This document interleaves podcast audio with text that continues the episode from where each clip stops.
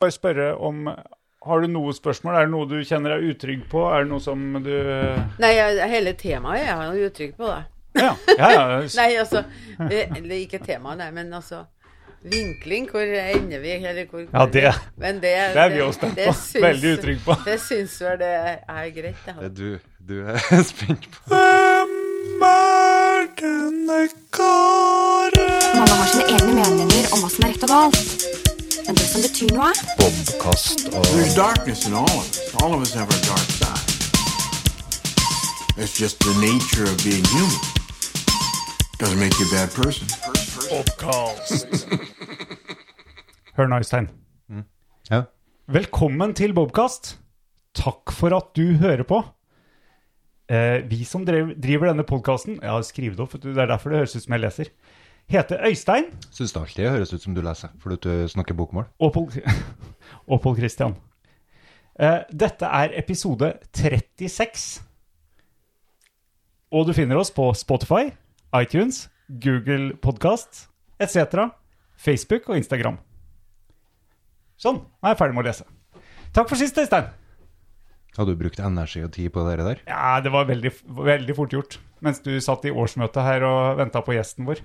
Ok, det var Ja. godt å høre. Ja. Nei, Nei, men eh, det, det er en smart uh, greie. Jo, At du lytter på noe, og så skjønner du med en gang hva vi er, og hvem vi er. Og, for du tenker at det er noen som Tror du noen skjønner hva vi er og hvem vi er ut fra det jeg sa? Nei, men du, du prøver liksom å hjelpe lytteren her, den imaginære lytteren vår. De For de fem lytterne vi har, de vet jo her allerede. Skal vi oppgradere til Det seks? Skal vi oppgradere til seks? Jeg tror vi har seks lyttere. Hvorfor det? Jo, oppdaga vi ikke at det var en til som hadde meldt seg på? Jo, men vi har fem offisielle lyttere. Vi vet jo at Du- vi har flere. Vi det er litt dårlig gjort. Jeg syns vi skal oppgradere til seks offisielle. Ja, men Det er ikke noe navn på han? Nei, vi må ha et navn. Nei, nei han er sjenert, han. Ja, og, og det er, nå vet jeg hvem du tenker på. Ah, ja. Har Ja, nei, jeg tenkte på en annen. Men uh, vi kan ta det seinere. Ok. En cliffhanger der. Ja. Eh, Sist gang jeg så deg, så satt vi på en buss. Da hadde vi sittet på eh, båt først. Og så hadde vi sittet på tog i x timer. Og så satt vi på buss, og plutselig stoppa bussen mye nærmere hjemme hos meg enn det jeg trodde. Så da hoppa jeg ut og sa ha det bra. Ja, ja, ja. Etter reisa vår, ja. Har ikke Ja. hatt podd etter det? Vi har ikke det, vet du. Vi skulle ha en pod, og så måtte vi utsette den fordi at jeg gikk jo i lockdown. Endelig tok koronaen oss. Vi Ja. har holdt ut nå med en podd i uka i eh, Ja, siden jul. Ja, siden rett før jul. Ja, minst en podd i uka. Men, og så kom eh, korona på ekte. ja. Eller ekte og ekte. Jeg kunne ikke gå på jobb, for jeg, var, eh, jeg fikk vondt i halsen etter at vi hadde vært på tur eh, i nord. ja. Gått for mye i shorts, og det blåste litt og litt forskjellig sånn. Du hadde vært opp etter klokka ti? Ja, ja, ja du holdt meg oppe til tre, over tre om natta. Det er helt sprøtt. Hæ? Ja. Sånt driver ikke jeg med. Så da ble jeg litt sjuk. Og så var jeg sjuk lite grann, og så ringte jeg koronatelefonen, og de ville gjerne teste meg, for de hadde vel for lite å gjøre nå, da. Ja. Og så fikk jeg Ja, det har jeg nesten lyst til å fortelle om, jeg, men jeg skal være veldig rask. Uh, hun som testa meg, hadde aldri hørt noen som lo så mye under test. For den der pinnen opp i nesa, det kiler noe så veldig. Hun brukte ikke en pinne. Hun brukte en stake, Pål. Hvis han skulle Ja, en sånn dokost. Ja, hvis han skulle oppi den nesen der Ja. for å få en ordentlig prøve. Ja, det var en dokost, men hun kom bare tilbake, liksom, og så stoppa det. Jeg tror hun skal ha ned i svelget, egentlig. Åh, herre. Og det kiler. Det burde du prøve. Du burde lyge på deg at du har litt vondt i halsen, sånn at du får prøvd det. Det er nesten dumt å gå ut av 2020 uten å ha prøvd Hvis en du ikke har koronatesta deg i 2020, så, så tror jeg ikke du kan feire nyttår. Men den potetnesen her, det, det er ikke mye som skal til for å teste. Nei, det er sant. Nei. Men jeg har ei datter som har fiksa en test, så vi har det i familien. Ja, du Altså, du skyver unger foran deg. Eh, ja. det Ikke gjør bra. det. Ikke men, bra. Men, men, men en annen ting jeg må si om 2020, er at um, jeg, jeg angrer på at jeg ikke tok bilde av bussen som vi tok. Med alle de sperrebåndene og plasten og alt vi ikke fikk lov til å sitte ved siden av hverandre og, og det der. Hu- Husker du? Ja, ja, det- ja. Det var veldig Søppelsekker over annethvert sete, Ja. og sperrebånd og skilt og ja. Det var 2020-buss. Med en gang du kom på, så sa du 'her var det 2020'. ja. Jeg angrer på at jeg ikke tok bilde. Men jeg har de det ennå? Er det fortsatt sånn? Sperrebånd er det. Men, Ok. men jeg har tatt buss i dag, og det var eh, mer normalt. Ble det noen forandringer i dag? Mm, vet ikke om du har i dag. Nei. Nei. Introduser gjest. Uh, ja, men vi har gjest. Det er ja, bra. Det her har- er ikke en duo-episode. Nei, Det selv om det høres sånn ut. til lettelse. Til lettelse for uh, lytterne. Ja, men, Eller noen liker duoer nå, faktisk. Ja, noen få. Ja. Uh, ja, jeg har lyst til å la lage det til en glidende overgang ja, på at jeg har akkurat kommet fra foreldremøte. Ah, Aha. det er, den var proff. Den var bedre enn den der introen du hadde skrevet. Å, takk. Ja. Eh, jeg har vært på foreldremøte for ungdomsskolen. For Mm. jeg skal jo ha et barn nummer to inn på ungdomsskolen til høsten. Oi, nå trodde jeg du skulle ha et nytt barn. Eh, jeg er ikke gravid. Nei. Nei. Og de begynner ikke rett på ungdomsskolen heller. Det er litt av konseptet at det er noe før der. Nei, uh, introduser gjest. Ja, jeg tenkte du skulle få lov til å gjøre det meste i introen. Jeg skulle holde meg bakpå, sa du. Du, Jeg har holdt meg bakpå nå lenge. Vi har Møyfrid på enden av bordet. Ja. Møyfrid Skei, hei og velkommen. Møyfrid Halseth. Ja, sorry. Skal du, skal, skal du klippe det med en gang? Nei, vi klipper ikke nå heller. Klipp det med. Jeg, jeg heter ikke, jeg får du ta noe Møyfrid Skei. Nei, Hvorfor sier jeg Møyfrid Skei, da? for at jeg het det før. oh. Jeg har eh, rota skikkelig bra med navnet mitt. Ja vel? Heldigvis jeg fikk et lånt navn da når jeg gifta meg. Ja. Og det hadde jeg lenge, og gubben har jeg fortsatt. Du har beholdt gubben, men kvitta deg med navnet? Ja. Den er original. ja, fordi at navnet for meg oppdaga etter noen år at det har med identiteten min å gjøre. ja. Sånt liker vi. Jeg liker i hvert fall det. så Og da må jeg hete Møyfrid Halseth, Ja. som jeg er døpt. ja. Du kjente deg ikke helt hjemme i det? Nei. For, men jeg prøvde å gjøre en mellomting jeg, i lange perioder. Da heter jeg Maufrid Halseth Skei. Men eh, hva syns mannen om det der, da? Du er jo ikke like Nei, han, og guri malla. Det var jo han som ikke skjønte hvorfor jeg skulle, absolutt skulle ha hans navn. Men jeg var ganske romantisk på den tida. ja. Så, så han spurte jo da, når vi tok ut Lysings ja, men skal du ikke beholde Skal du ikke ha, ha det med navnet ditt, da? Å, nei. Og så så sikker på at jeg skulle hete Mefrid Skei. Når gifta du deg? Når var det? 1967. 67. Så da var det romantisk å kvitte seg med navnet og ta mannen sitt navn. Ja ja, da var det vanlig. Ja. Men Fru Skei. fru Skei Det hadde du lyst til å være. Nei. Akkurat da. Ja, akkurat da hadde jeg det, altså. Ja. Eller det hørtes fint ut, det. Blir du litt da som mannens eie, på en måte? Og ville du være det? Altså, det som eh, Altså, når det gjelder navn, Ja. så hvis Nivar bestemmer det Eller ikke for seg. Det må strykes, da. Hæ? Hvis mannen min bestemmer Ja. at jeg ikke kan eh, For han har rett til å bestemme at jeg ikke kan bære navnet hans. Har han det? Ja. Er Vi har, jeg vet ikke helt om det nå, men i det tida jeg skifta, så var det sånn at eh, det navnet har jeg bare til låns. Så du, han, Og det ga deg, han ga deg lov til å bære navnet? Men han Nei, det råda er deg ikke noe sånn, altså, men det er reglene Ja, sånn innenfor det var reglene. navn, da. Ja. Men det, det tenkte ikke jeg på da, da. Eller altså Jeg, jeg er jo gift. Øh, Det var ingen som spurte meg om hun fikk lov å ta navnet. Jeg syns jo det er greit. Hun tok samme etternavn som jeg har. Ja. Du er ikke gift, Øystein. Nei. Du hadde vel ikke gitt bort navn, tenker jeg. Du er litt sånn Eh, Festemøy, eh, hva er det? Er ikke det et begrep, det? Jeg, Så- jeg vet ikke. Nei, Jo, ikke det er sikkert det. Jeg bare tok det nå ut av lufta. Ja. Jeg, jeg følte at det var litt å feste kjerringa. Å feste kvinnfolket. Sånn, ja. Sånn, ja. ja. Ville du gjort det, eller? Jeg ville ha brennemerka henne, faktisk. Ja.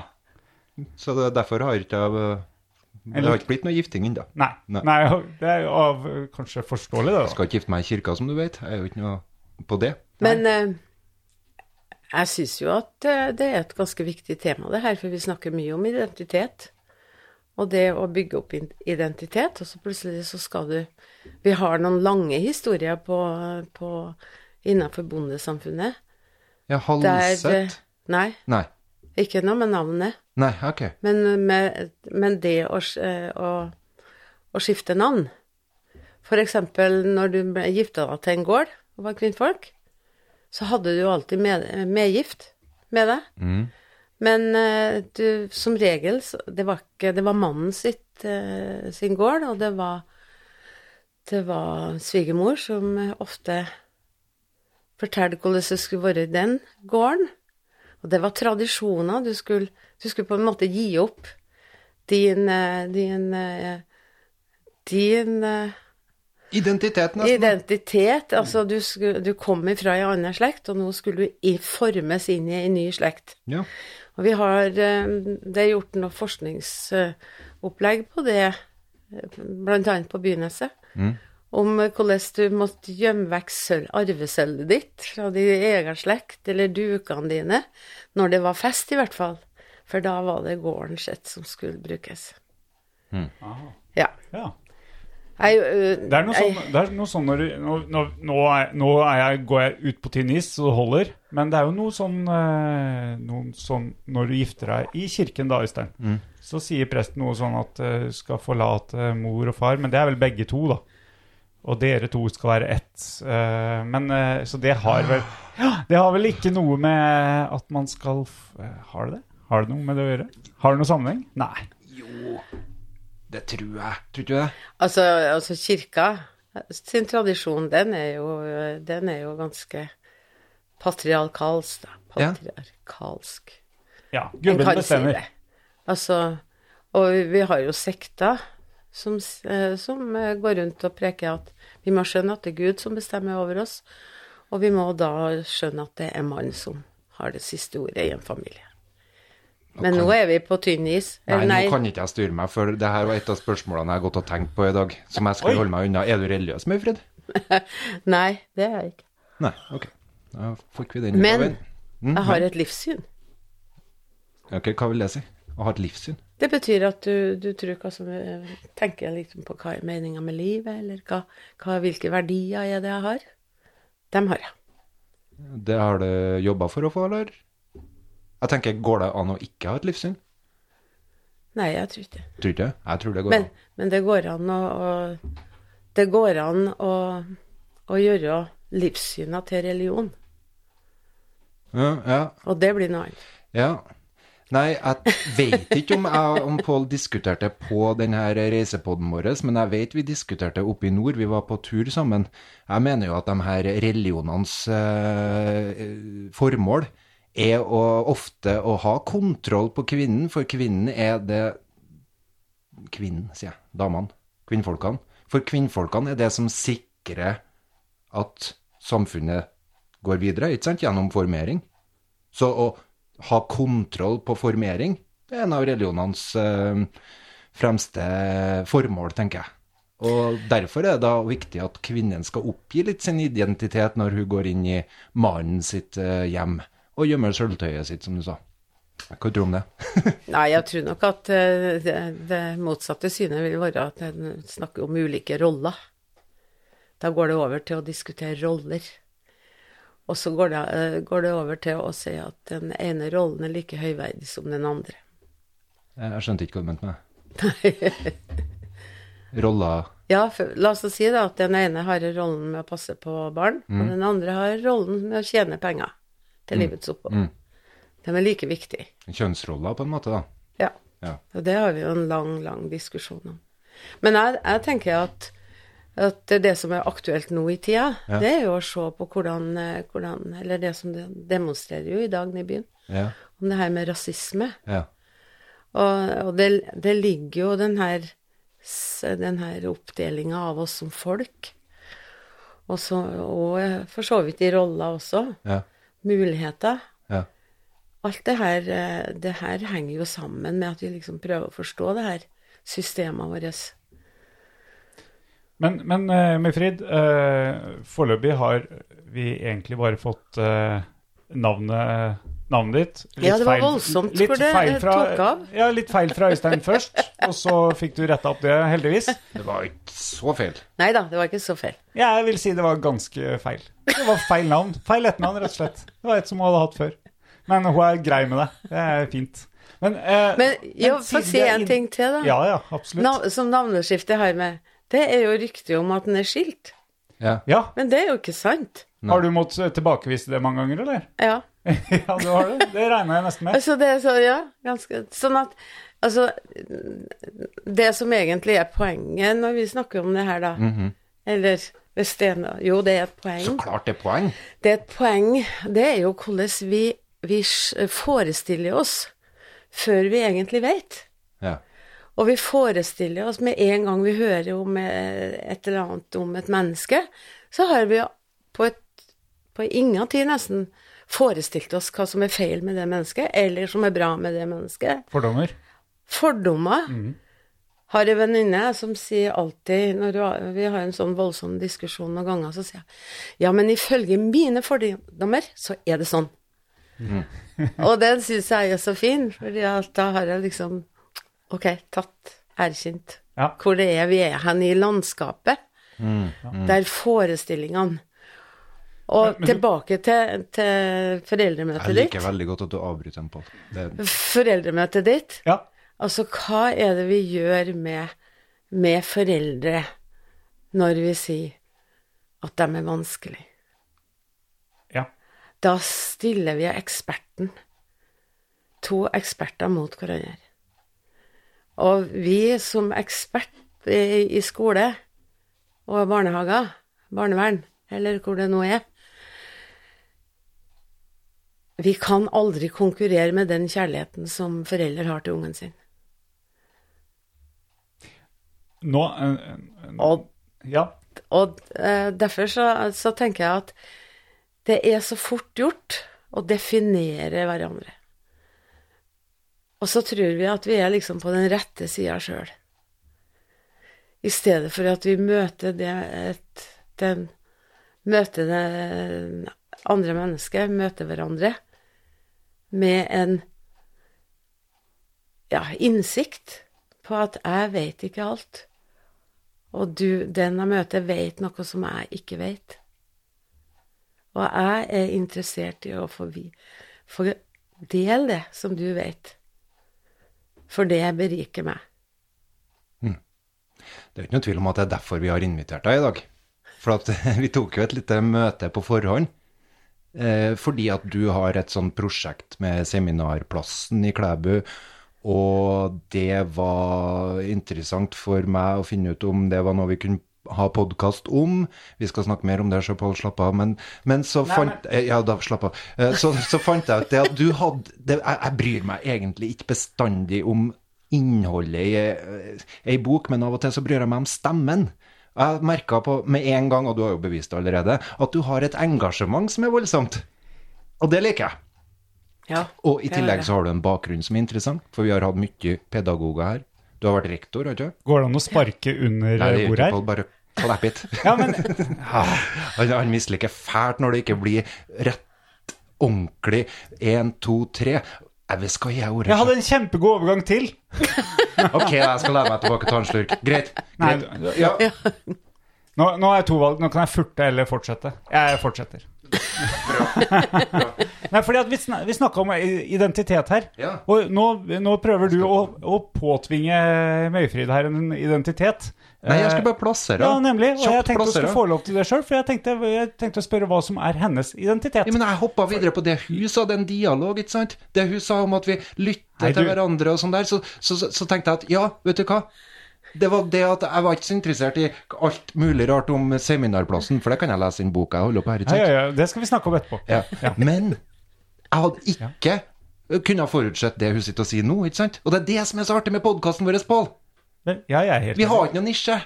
Men jeg, jeg lurer på om Ja. For Møyfrid er pensjonist. Det er sant. Men er det identiteten din? Nei. Eller er det rektor? For det har du vært. Nei, identiteten min er lærer. Lærer. Ja, det er faktisk det. Ja. Og det er, det er Jeg blir liksom aldri lei av den eh, Den lukta. Når, skal når du begynte du som lærer? Da jeg var 21 år. 21 år. Det uh, for, å, Det for, i- for å prøve å vinkle det vekk fra å spørre hvor gammel du er. Så 21 år, når var det, da? Det var i 1967. Nice, nice. 1967. 1967. Eh, Det var noe i 1967 i stad òg. Gifta seg. Gifta seg. Ja. Gifta seg. Gifta altså i- seg og starta som lærer i 1967. Ja, og da, da Sånn apropos kjønnsroller, da. Ta den, da. Ja. Min, eh, en fadder av meg holdt en fin tale til meg. Og var, tok opp det her med at eh, jeg hadde nettopp blitt ferdig med lærerskolen, og var nå Skulle jeg da begynne å gifte meg? Men så fant han jo ut at det var veldig bra da, å ha pedagogisk utdanning når han skulle få barn. Ja, ja. Hvilket vi ikke fikk med første anledning. så det var et veldig sårt punkt, faktisk, når han sier det at det liksom Hovedsaken da var at jeg eh, For det hørtes nesten ut som at jeg ikke skulle bli lærer. Nei, du skulle bare bruke utdannelsen det til å oppdra barn. Ja. Og ja, ja, det er jo greit nok og fint, fint det. Men Ja, det, det er er mange- bare sånn apropos. Hvem var det som sa det, sa du? Fadderen din? Fadderen min. Ja, fadderen? Fadder, ja. Ved dåpen så har man faddere. Jeg Ja. hadde seks. Seks stykker, ja. Du tenkte at du trengte litt. Og du endte ikke opp som religiøs? Dæven steike for noe dårlig. dårlig vet du, jeg liker ikke det rolig religiøs, for jeg tror den egentlig kan være det, uten å, uten å, å ja, I forskjellige sammenhenger kan en godt kalle seg religiøs, men religiøs for meg, det, det knyttes til, til, til Ja, Det, stemning, egentlig. det kan jeg forstå. Jeg har min religiøsitet. Men jeg tror ikke Pål ville ha kalt den religiøs. Men jeg står i statskirka, og jeg sitter i menighetsrådet. Okay. For å bryte den, da. Ja. Jeg står ikke i statskirka. Så Det ikke, ikke menighetsrådet heller, du. Nei. Nei. Men jeg skjønner godt hva Det- du mener med det med livssyn og det med et livsinnstilling. Ingen problem. Men det var en fiffig kombinasjon, du. Eh, altså å ikke Ja, for du, du hmm. Den fikk du litt problemer med, eller? Vi, Nei, problemer fikk jeg ikke. Nei, Overraskende? Ja, Ja. Jeg er enig med. Overraskende. Absolutt. men men altså, det, altså, kirka er jo mer enn uh, religion. jeg Det er et tror konsertlokale. Ja. Det er en, eh, en, en eh, Skal vi si Det er et, en plass der eh, du lager milepæler i livet ditt. Absolutt. Og det, det er, Og jeg, og jeg tror at, eh, som vi vel snakka om for et par podder sia, ja, 35, tenker jeg, 34, Hva tenker du på? Uh, om hva uh, religion er for folk. Altså, det, uh, eller livssyn er for folk. Det, det kan være alt fra, alt fra noe som eh, noe som er en liten del av livet, eh, til å være veldig altomfattende. Til å på en måte overstyre alt Du, du navigerer hele livet ditt etter, etter den religionen eller, eller livssyn, da. Ja. Eh, jeg prøvde å si, at, eh, si til Øystein at for mange så er ikke dette med religion, livssyn, tro en hobby. Altså, fordi at vi snakka litt om hvordan det styrer i forhold til f.eks. lovgivning i et land. da. Hvis du tror så fast på noe eh, som sier noe motstridende med det landets lover er, så kan det hende at du bryter loven, da, fordi at du tenker at det her er så viktig for meg. Det, og da, da prøvde jeg å si at det, det, det er ikke som en hobby, men det, Ja, Du kan jo være konkret, da. jeg kan være konkret. På hvilken måte kan jeg bryte lover i et land? Uh, nei det kan, jo, det kan jo være i forhold til Nå, nå snakka Møyfrid, Møyfrid gikk inn på at det er en demonstrasjon i byen i dag om, eh, som har med rasisme å gjøre. Ja. Og det kan jo gå på både det med rasisme, det kan gå på likestilling. At man, at man tenker rett og slett at eh, menn skal styre. Det kan jo, og det kan jo bryte lover, men, men, hvis, Men det- Du, hvis det står i, eh, i den hellige boka di at menn skal styre, så kanskje det er at det er viktigere for deg enn Men den kampen har vi jo kjempa her i Norge. Vi har jo Ja, kvinne, kvinnelige prester. ja, Det, tenk at det heter det fortsatt, da. ja, ja. Det er jo ganske Altså, Når slutter Det- vi å kalle det kvinnefotball, da? ja, det skal du lure på. Det er jo akkurat det samme. Altså, det Ja. Men jeg tenker jo at, at det her med å, å Altså, vår evne til å tåle hverandre Mm. Altså, den syns jeg ikke har noen sånne gode gode eh, gode kår for tida. Eller gode vilkår. Fordi at her, her det, det lages på en måte den her motsetningene. Men hvem, hvem tror du har minst eh, eh, minst evne til å tåle hverandre, og nå tenker jeg egentlig alder. Nei, det er jevnt fordelt. Tror du det? Ja. Men den som har største evnen til å tåle, det er barn. Mm. Fordi at eh, når ungene Altså, når unger møtes, så springer de eh, Så kikker de seg rundt, og så ser de etter en på om samme størrelse. Så Han vil leke. ha, Vil du leke med meg? Eller han vil Han holder på med noe som jeg kan nærme meg. Vi har litt eh, Sånn som unger har, så har vi ulike tilnærminger. Men etter eh, Altså Men så eh, blir unger også såra på sine følelser, og, og slår og biter og gjør forskjellige ting som Eller Ja. Men veldig ofte så oppdager jo vi at det har de lært av de voksne. Altså, de, de ser hvordan, og de hører hvordan vi voksne eh, omtaler, hvordan vi omgås. Og det blir ofte Og så, og derfor så er det at voksne, unger trenger, trenger fornuftige voksne rundt seg.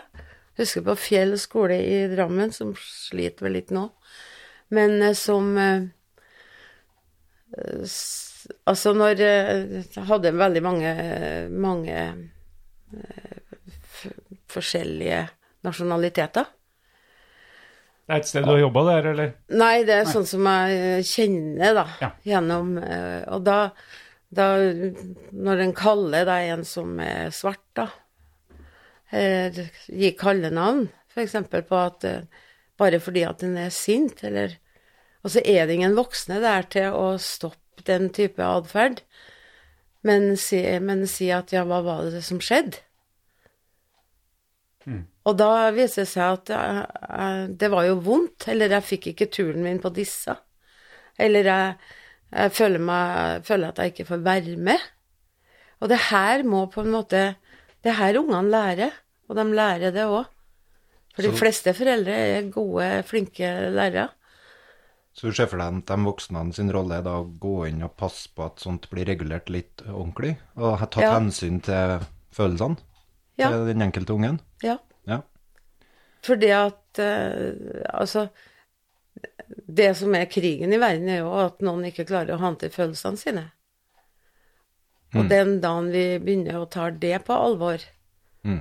så tenker jeg at eh, det blir litt, litt forandring. Det er nå mitt håp. Tror du han som bor i det der eh, litt, litt eh, prangende hvite huset borti i USA, har litt får til å håndtere følelsene sine noe greit for tida? Nei, han har ikke det greit med følelsene sine. Snakker om en Trump igjen nå. Av en eller annen grunn så vil ikke du Jeg tror ikke det. Nei, jeg syns det var litt artig å Sist se om det var mulig å forstå det ut fra det. par helger siden så snakka du om han som om han er en sånn person som kommer fram om vi nevner navnet hans. Å ja. ja. Han gjør, gjør. Tror du han vil være gjest i poden vår? Men samtidig så er det mange i samfunnet vårt også som har følelser som stemmer med Trump sine følelser. Så klart. Som, eh, som tenker at ja, men det er bra at det er noen som er helt alminnelig. I USA så er det mer enn 50% De stemte jo fram en, så Nei, ikke, ja, det var før det. Ja, men det, ja nå, og nå ligger han litt dårligere på målingene, men, eh, men det er jo ikke utenkelig at han Nei. får fire år til. Det er utenkelig om han ikke skal få det. Nei, det er Ja Nei da, jeg tror, jeg tror det er en god sjanse for at han ikke får det. Ok. Vi får se. Vi får Nok ta- om det. Jeg syns Trump er ganske uinteressant. Jeg syns den er veldig artig. Jeg syns den er superunderholdende. Ja, men utfordringa er at den underholdninga får så store konsekvenser for eh, resten av verden. Nei, det tror ikke jeg egentlig. Men et annet, hvis vi, vi ikke forlater det her med religion, da, eller altså Ja, ja. med kirka Ja, du, jeg må bare få presisere at det jeg mente i stad med å ha kontroll på kvinnen, det er jo det som gjør at jeg sliter litt med religion. Jeg liker ikke det her patria... Jeg tror det er derfor de har blitt så patriarkalsk.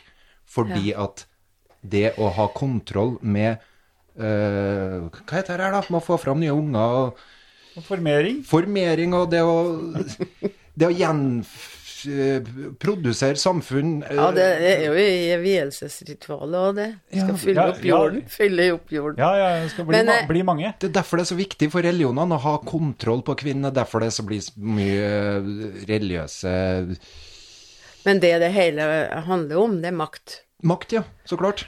Altså, altså Lener meg det, altså et, eh, liv, altså et livssyn Det kan vi jo det alt Hvis du ser på alle de her religionene som vi har, så er det jo eh, grunnleggende livssyn, og vi kan finne mange fellesnevnere. Eksempel eh, Rinkebyskolene i Stockholm, som hadde veldig mange, mange innvandrerfamilier i en bydel som holdt på liksom gikk helt i stå. Så var det en rektor som tok tak der og, og starta skolen, eller på nytt igjen. Og han, det som virkelig fikk han til å, å tenne, det var jo han eh, finske gjestearbeideren da i Stockholm, som en søndag kom og banka på døra til henne og sier Han gutten min har det så trasig på skolen. Tror du at jeg skal kjøpe nye bukser? Og da bestemte han seg for å bli eh, rektor, og så Og det han gjorde når det på religionssida Hva tenker du om det, det utsagnet der, da? Det forteller at det er andre problemer i familiene enn det at en ikke kan gå på skolen. Og det er andre problemer som, eh, som er viktigere å se enn om de eh, gjør leksene, eller de har med seg det de skal Ja. Men iallfall med religionene, da, så tok jeg noe i stedet for at de prøvde å se forskjellene på religionene, så laga han et svært opplegg der han tok for seg både islam og jødedommen og kristendommen. Og akkurat som en Svein Tindberg gjorde på teatret. Og så så en hva som er likt. Jo, hva er likt? Abraham. Det er samme person i alle de tre religionene. Mm. Han som var villig til å ofre sønnen sin. Ikke helt i mitt liv, altså. Nei, men han er ikke det. Nei, men det er jo ikke noe Han trenger jo ikke å være Jødedom, helt islam, kristendom Ja, du, han er felles. Jeg ville ha funnet noe annet felles som var bra, da. Den her tanken Jo, det- om en sånn åndelighet, kanskje. Ja. Eh, tanken om at det finnes eh, noe som er felles for oss alle levende vesen. Det, noe sånt ville jeg kanskje lete etter. Abraham ville jeg kasta på skraphaugen. Det felles der er jo én gud. Ja, det kan jo få kanskje Ja, men jeg liker ikke det der én gud heller, for jeg eh, Nei, det er så, det er så lite mm, nyttig. Det er mye artigere er mangfold av guder, du. Ja, favorittreligionen min tror jeg kanskje er hinduismen, som har en sånn million guder, så kan du liksom plukke og velge litt. Alt ettersom, For det er så mye forskjellige folk òg. Hvis du skal ha én gud som skal ha ett formål for alle sammen, nei, det, blir, det blir, tror jeg blir vanskelig, altså. For meg livssyn, det er jo det som eh, Altså hvordan vi opptrer mellom oss. Mm, etikk. Etikk. Eh, ganske Altså, det er jo kjempeviktig. Ja. Men eh, det skal jo ikke så mye til for at vi radbrekker den, eller Du tenker på Det- at jeg gjør det feil, nei? gjør det feil. Nei. Det er etisk uf uforsvarlig. Det kan eh, det, Nei, men Det er derfor jeg syns religion og spørsmålet om religiøsitet er så spennende. For at de, er de toucher innpå det her med etikk. Og det syns jeg er utrolig viktig. Det må vi ha med oss, i hvert fall i lærergjerningen. Jeg prøver jo å ha en eh, fot innafor der òg. Men hvordan tenkte du som eh, lærer om det med på etikk? Var det en sentral del av Du var jo rektor òg. Når du skulle veilede andre ansatte? Eller foreldre, kanskje? Altså for meg så, så handler jo eh, etikk også om, om eh, hvordan vi Altså om respekt. For du møter jo hele tida folk som du ikke kan være enig eller som du er enig med. Ja. Alt etter så, hva, du er, hva som er, er blitt mine verdier, og hva som er blitt andre. Men hvis jeg ikke da er villig til å høre på, eller også være nysgjerrig nok til å høre på den andre sine, sine meninger, Mm. så har jo ikke jeg respekt for den, den personen. Men samtidig så, eh, så tror jeg vi av og til blander det her med å, med å være enig. Med det å ha respekt. For det har ingenting med respekt å, være, å gjøre å være enig. Et Men det- mål, mål om at man må være enig for at man skal respektere hverandre? Ja, nei, altså nå tenker jeg litt motsatt. Ja, ja, ja, men, Ja, at, men- at det er en misforståtthet. At, man- Ja. at man må liksom være enig, da respekterer man hverandre. Ja. Ja. For det, jeg tenker at eh, er det noe som beriker, så er det jo at en har forskjellig syn på ting. Men så trenger en jo ikke å, å diskutere så mye, da. at det blir utrivelig, og, og noen må gå. Eller noen blir beskyldt for å være noe annet enn det en er, for det er jo det vi bruker jo nå, da. Jeg, jeg føler jo at samfunnet vårt mister ganske mange diskusjoner. Gode di diskusjoner. Fordi at det er noen som forteller ha-ha, du kan ikke mene det, for det har du gjort feil før. Du har gjort sånn og sånn og sånn, så derfor kan ikke du mene det der nå. Ja. Og det, det er så mange eksempel i uh, aviser overalt der vi har stopperne for meningsutvekslinga. Og apropos i Ja. dag. Ja, men jeg tenker jo at uh, antageligvis nå, uh, nå har jeg bare vært på i lokalpolitikken her, men, det, men i, i sentralpolitikken så tror jeg de har noen som sitter og skriver ned og loggfører meningene og utsagn til de andre. Og hvis de ikke har det, så kan de jo bare google det og søke opp for å dra opp noe folk sa for fire, fem, ti år sia, og, si, og, og konfrontere dem med det. Eh, Og det er jo helt umulig å skifte mening. Eh, fordi at hvis, da blir du jo da blir du vinglete. Eh, tenker jo det må være et utgangspunkt også, da, for å gå inn i en dialog. At du ikke bare lytter, men at du faktisk eh, er åpen for å skifte mening. Og det syns jeg er ganske sjeldent folk gjør nå. Du setter deg i en posisjon, og den skal du beskytte. Ja. Og da er jo ikke ordentlig lytting. For hvis du Nei, har en for samtale vi, di- vi driver jo og diskuterer istedenfor å, å ta en ordentlig prat. Ja, Eller det på fint kalles det dialog. altså, målet, er, målet er ikke å komme fram til noe eh, å lære noe nytt. Målet er å slå, slå i hjel den andre med noe eh, Ja. Det er derfor jeg veldig sjelden og gidder å sette meg ned og høre på debatter, fordi jeg er så Ja. profesjonalisert i å, i å bare slå i hjel den andre. Mm. Ikke lytte, ikke lære noe. Bare eh, ja, bare komme med en one-liner om, om den andre, eh, som setter den ut av spill. Um, ja, det er, det, er egentlig, det er ganske uinteressant med valgkamper nå, syns jeg. Nå er det heldigvis ikke noe i år enn i USA, da. Men den, Ja. mm. Der er det jo Der handler det om eh, penger og kjøpe seg, kjøpe seg mulighet til å rakke ned på den andre. er du politisk? Ja. Satt du i noe politisk Nei, jeg, jeg, jeg jeg er ikke medlem av noe parti, og, men jeg er en veldig politisk person. Mm. For jeg har ganske sterke meninger om, eh, om mange ting, og, og syns at ja. Hva du syns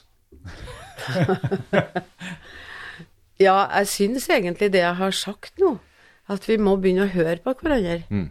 Få til en det, og, samtale? og jeg har lyst til å knytte, i og med at det liksom eh, til skole, da. Mm. Fordi at jeg, i min skoletid, eller da jeg var lærer, da, Mm. så opplevde jeg jo at den største ressursen jeg hadde i, i, å støtte meg på, det var foreldre. Det var foreldre som, eh, som, eh, som var eh, De var litt i veien, da. Nei, overhodet ikke. De var der som korrektiv til meg. De var der Litt irriterende. Nei. Den, den Nei, det, ikke, det var ikke det. Og de var der også for å fortelle meg. Jeg starta som regel eh, Jeg hadde ganske mange konferanser med dem. Veldig forholdsvis korte konferanser. For, og det, det første jeg spurte dem om, det var hvordan går det på skolen? Og svaret var jo da sjølsagt herregud, vet du ikke det? Du, det må da være du som vet det. Ja, så jeg vet alt som foregår her. Eller det meste. Men eh, det er dere som får reaksjonene på det som foregår her. Og, og, og, og på den måten så ble faktisk foreldra støttespillerne mine. Husker vi en, en periode da Eh, Det var i femte klasse, det kan jeg si, for de, eh, de vet De vet, de som er over 50 år nå. Da var det ganske strevsomt. Jeg følte ikke at jeg i hele tatt uh, takla dem. For de begynte jo å skulle frigjøre seg. Og så, nei, så var det en kollega som minte meg på at ja, men du har jo foreldre. Ja, så tok jeg det. Og så tok jeg møte med dem i tur og orden, da. Og snakka om hvordan eh, jeg hadde det, og så hvordan kunne Hva skal vi gjøre? Et år etterpå så sa For jeg hadde dem jo i seks år. Så sa de en gang i klassen, de var litt oppgitt over meg, så sa de Det nytter jo egentlig ikke med deg, for foreldrene våre er jo enige med deg. Så du fikk foreldrene på lag, da? Ja. en alliert? I kampen mot elevene, skulle jeg til å si noe, men det kunne jo ikke være. Nei, det var ikke Kampen for elevene. Det var for elevene. Nei, altså Det som foreldre hadde lært meg, Mm. det var jo at en, en eh, elev er jo mer enn en elev. Han er jo et menneske. Mm. Og han er et barn med mange egenskaper. Eksempel den lille gutten som hver søndag kom med kaffe på senga til, til foreldra sine. Altså, det gir, en, eh, det gir en lærer et helt annet bilde. Og sånn kunne de fortelle, for de visste at jeg ville ha de historie, fine historiene om ungene deres. Så du kunne få den enkelte eleven i et annet lys, og sånn Ja, fordi at når du setter unger i en klasse da Jeg hadde 28 elever. Alene? Ja, stort sett. Hørtes pyton ut. Hadde, hadde, nei, det var veldig fint. Men eh, det var, det var jo vanlig, da, den gangen, da. Hadde vel tre spesialtimer, kanskje, i perioder. Men det, det er veldig lett når du har så store, store klasser, Ja. at det blir, det blir figurer av ungene. ja. Den som bråker, den som er grei, den som alltid gjør eh, gode ting, og den som Klovn. sitter og drar i tråd. Klovn og alle de her rollene som kan få. Den lille psykopaten. Så da får du, får du Får du Ja, da må du lage noen sånne system, da, som gagner eh, at du sjøl klarer å ha en oversikt. Ja, men du må jo kanskje òg lage noe system så du ikke sementerer de her rollene, da, sikkert. Ja. I løpet Og det er foreldre. Ja, det er foreldrene, og det var der Det- du fikk det der eh, Det er foreldrene som kommer inn og, Ja. og hjelper meg med det. Også, men så må du ha noe system. Dobbeltsett med bøker, f.eks. Mm. Hvis du skal kontrollere. og- Men det er jo lett å få sympatier med ungene, men ha- eh, hvordan jobba du med de eh, antipatiene? For jeg mener, det må jo Ja, altså det som skjer, det er jo at en, en blir, plutselig blir litt urimelig mot en unge. Ja, det skjønner jeg. Og da, da må du gå tilbake og så be om unnskyldning. Ganske enkelt. Mm. Du må Ganske enkelt. Uh, ja, jeg skjønner at det er ganske enkelt å gå tilbake Eller det er, det er to, to former for ganske enkelt her, da. Det er ganske enkelt for meg å faktisk gjøre det, si det. Altså, det er bare noen ord. Ja. Men, men det å ta beslutningen, det å innse at man har behandla noen urimelig, uh, og akseptere det, og så som stor voksen, enten som lærer eller rektor, eller meg som barnehagestyrer, eller Øystein som kongen eh, av Klæbu eh, Jeg kom ikke på noe bedre tittel akkurat nå. Ja. herregud. Ja. Eh, ja, unnskyld. Prinsen. Se der, unnskyld. Den kom veldig lett. Men det var ikke så ektefølt. Men det, det må det jo være. ikke sant? Når du sier ganske enkelt be om unnskyldning eh, Det er et stor, er stor maktfor, stort maktforhold mellom, eh, mellom en elev og en lærer. Kan være, i hvert fall. Forskjell. Stor forskjell. Ja, maktforskjell, ja. Ja. ja, og det er jo det som er så skummelt, da. Og som, eh, som fører til at unger eh, får ødelagt eh, skoletida si. Fordi at en, en Det var ingen som ba om unnskyldning. Eller det var ingen som tok opp den der Eller merka at vedkommende hadde såra, eller tenkt, tenkt over at nå har jeg vært urimelig mot den ungen, og nå har jeg men det, eh, jeg hadde et eh, sånn eh, mantra, da, og det var jo at At uh, foreldra har sendt meg det kjæreste de har. Og dermed så kan du ikke Altså for, for det vet vi noe om, hva som er kjært. Og, og da Da kan du ikke ødelegge en unge. Nei. Men, allike, men allikevel så er det klart at uh, en har jo ikke full oversikt over de gangene en såra dem, eller at den var urimelig. Men uh, Det er nettopp det.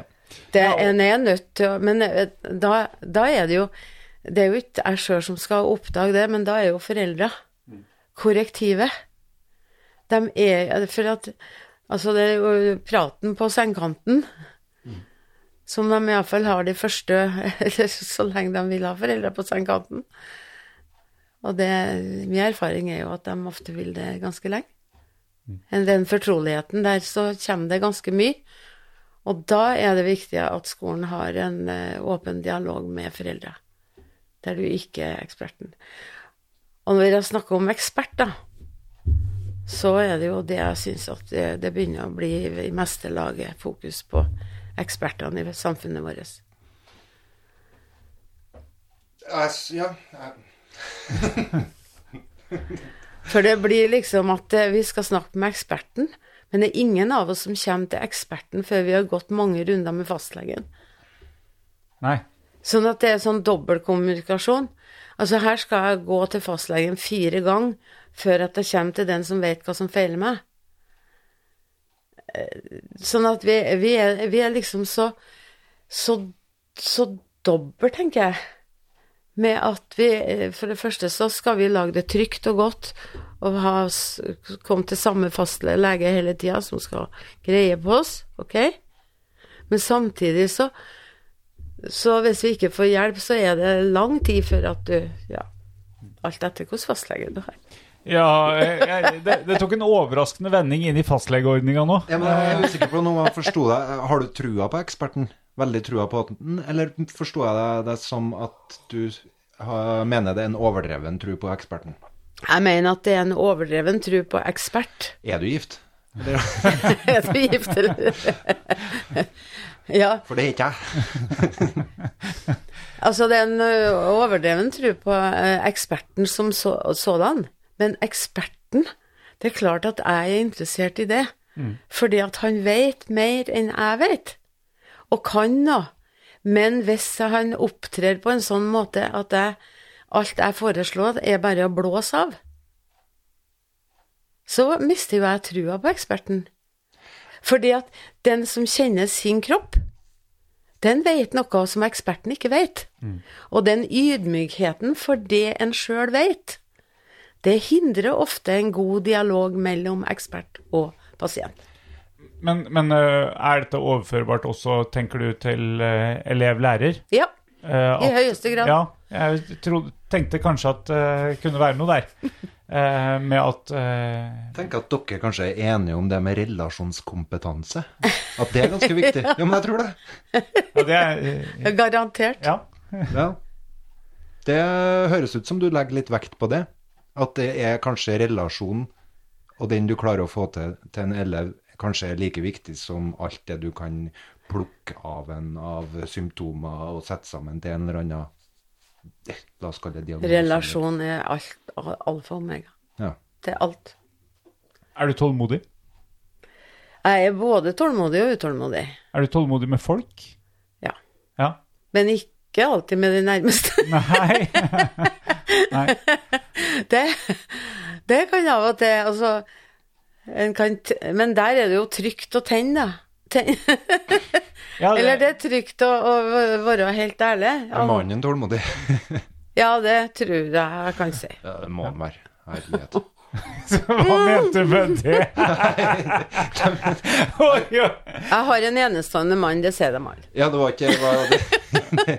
Han har hatt en av eh, Det er er ikke hemmelighet at mannen din har vært ordfører i bygda her, og det anser jeg som en jobb der du må være ganske tålmodig. Og han hadde den ganske lenge òg. 16 år. Ja, det er lenge. Så han må være jæskla tålmodig, tenker jeg. Ikke noe, var ikke noe frekt. Nei, det, det, det, det, kunne, ja, det, det kunne oppfattes ganske på kanten. eh, Øystein. Ja, ja. Men Øystein er også veldig tålmodig med folk. Eh, Ja. Ja. Du er det. ja. Ja. Men jeg kan bli sint, jeg. Det sliter jeg med. Kan du bli sint? Ja, jeg blir sint. Og jeg, jeg har fått mye, mye tull med sinnet mitt. Du har det, ja. Særlig um, Hente litt kaffe mens dere snakker om sinne. Ja, For det har gjort meg veldig god til å be om unnskyldning. Så jeg har, ikke, så jeg har ganske lav terskel på det. Ja. Eh, Men jeg må Jo. gjøre det ganske ofte. da. Akkurat for tida så tenner jeg veldig mye på, på det som står i avisa. Jeg klarer ikke å lese aviser, nesten. jeg. Og nyheter. Jeg blir jo for høy puls. Fordi at jeg, jeg har En har kanskje litt for store forventninger, men Men hva det du blir du tenner på? Eller i avisa? Hva er det som gjør Nei, det? at det jeg, jeg, jeg blir irritert over, over språket som brukes. Og da er det ikke snakk om orddeling, kanskje? Nei, overhodet ikke. Det, det Nei, altså, det, det er krig mot, og det er, det er denne sånn Nå setter de i gang store mot Ja. Ja. Det er helt eh, latterlig at noen kan eh, begynne å snakke om noe sånt, istedenfor å gå inn i en, i en ordentlig mm, ja, ordentlig diskusjon, da, eller dialog, har jo jeg helst ville hatt. da. Mm. At det gikk an å høre på hverandre, også at en snakker om det. Men, da, eh, men eh, når du snakker om sinne, da, så, så kjenner jeg jo at jeg kan jo bli irrit, ja, irritert fordi at jeg, jeg skjønner dem ikke det her, da, når jeg skjønner det så godt. Ja. Men det er jo litt Når var du var irritert sist, da? Morges. Morges? Ja. ja. Var, var det klokka som ringte, eller var det Nei, det var det der forslaget fra, eh, kommunedirektøren i Trondheim. Ja, det snakka vi om litt. ko, ikke kommunedirektøren, men kommune, kommunaldirektøren. Ja, for det er, Det- for er, det må man ha tunga litt i munnen. Eh, Ja. ja, for at da, er, er- det for oppvekst og Oppvekst. Ja. Som uh, gjorde en Camilla sånn Ja, Ja. som har gjort en, en oppdagelse nå under koronaepidemien om at, eh, at eh, foreldre var veldig fornøyd med, med eh, kortere tid i barnehagen med mer bemanning. Så da, eller da satte de inn bemanninga på i kortere tid. Ja, det vil si at det blir flere voksne per barn. Og det, i og med at både foreldre, ansatte og, og, og barn og skole ja, var fornøyd, så tenkte de kanskje det, vi skal undersøke dere litt mer. Og det var egentlig det som var intervju om. Og i dag er det da to, minst to sider om, eh, om kamp mot det her forslaget. Og hvor forferdelig det er at vi skal gå tilbake nå til, til, til, til kortere oppholdstid i barnehagen. Altså ingen har sett at det her kanskje kan være en, en, et steg på veien til å få opp bemanninga, som er viktig for de ungene som, eh, som er i barnehagen, og for foreldre. Eller kanskje òg at det har noe med arbeidstida. Og nå skulle folk være nysgjerrig, tenker jeg da, på at ja, for vi har opplevd ei anna arbeidstid nå, der folk har jobba hjemme. De har ikke sluntra unna. De har faktisk satt seg til og lært en hel masse om digitale plattformer, og, og funnet ut at ja, vi kan fortsette med noen av de her digitale møtene, fordi at det nå øh, Ja, det, det, Ja. det er noen fordeler der også. Og så gleder vi oss til at eh, vi kan møtes igjen, osv. Altså, den her, det her, her skal det liksom Ja. Nei, det, dette med bemanning i barnehagen eh, Det er klart du slipper på meg en femmer her nå, som styrer i barnehage. Eh, Men, men det er jo sånn at vi Mange barnehager har oppe fra Sånn som min, fra sju til fem. Ja. Men vi har samme bemanning som noen som har da oppe fra La oss si hvis de hadde hatt- oppe fra eh, åtte til halv fire. Så er det samme bemanning, bare at vi må strekke den utover. Og det vi har sett nå i koronatida, for å være tydelig på hva vi har sett, da, det er jo at vi har hatt åpent bare åtte timer isteden. Eh, noen har hatt enda kortere. Og da har hele bemanninga vært der hele dagen.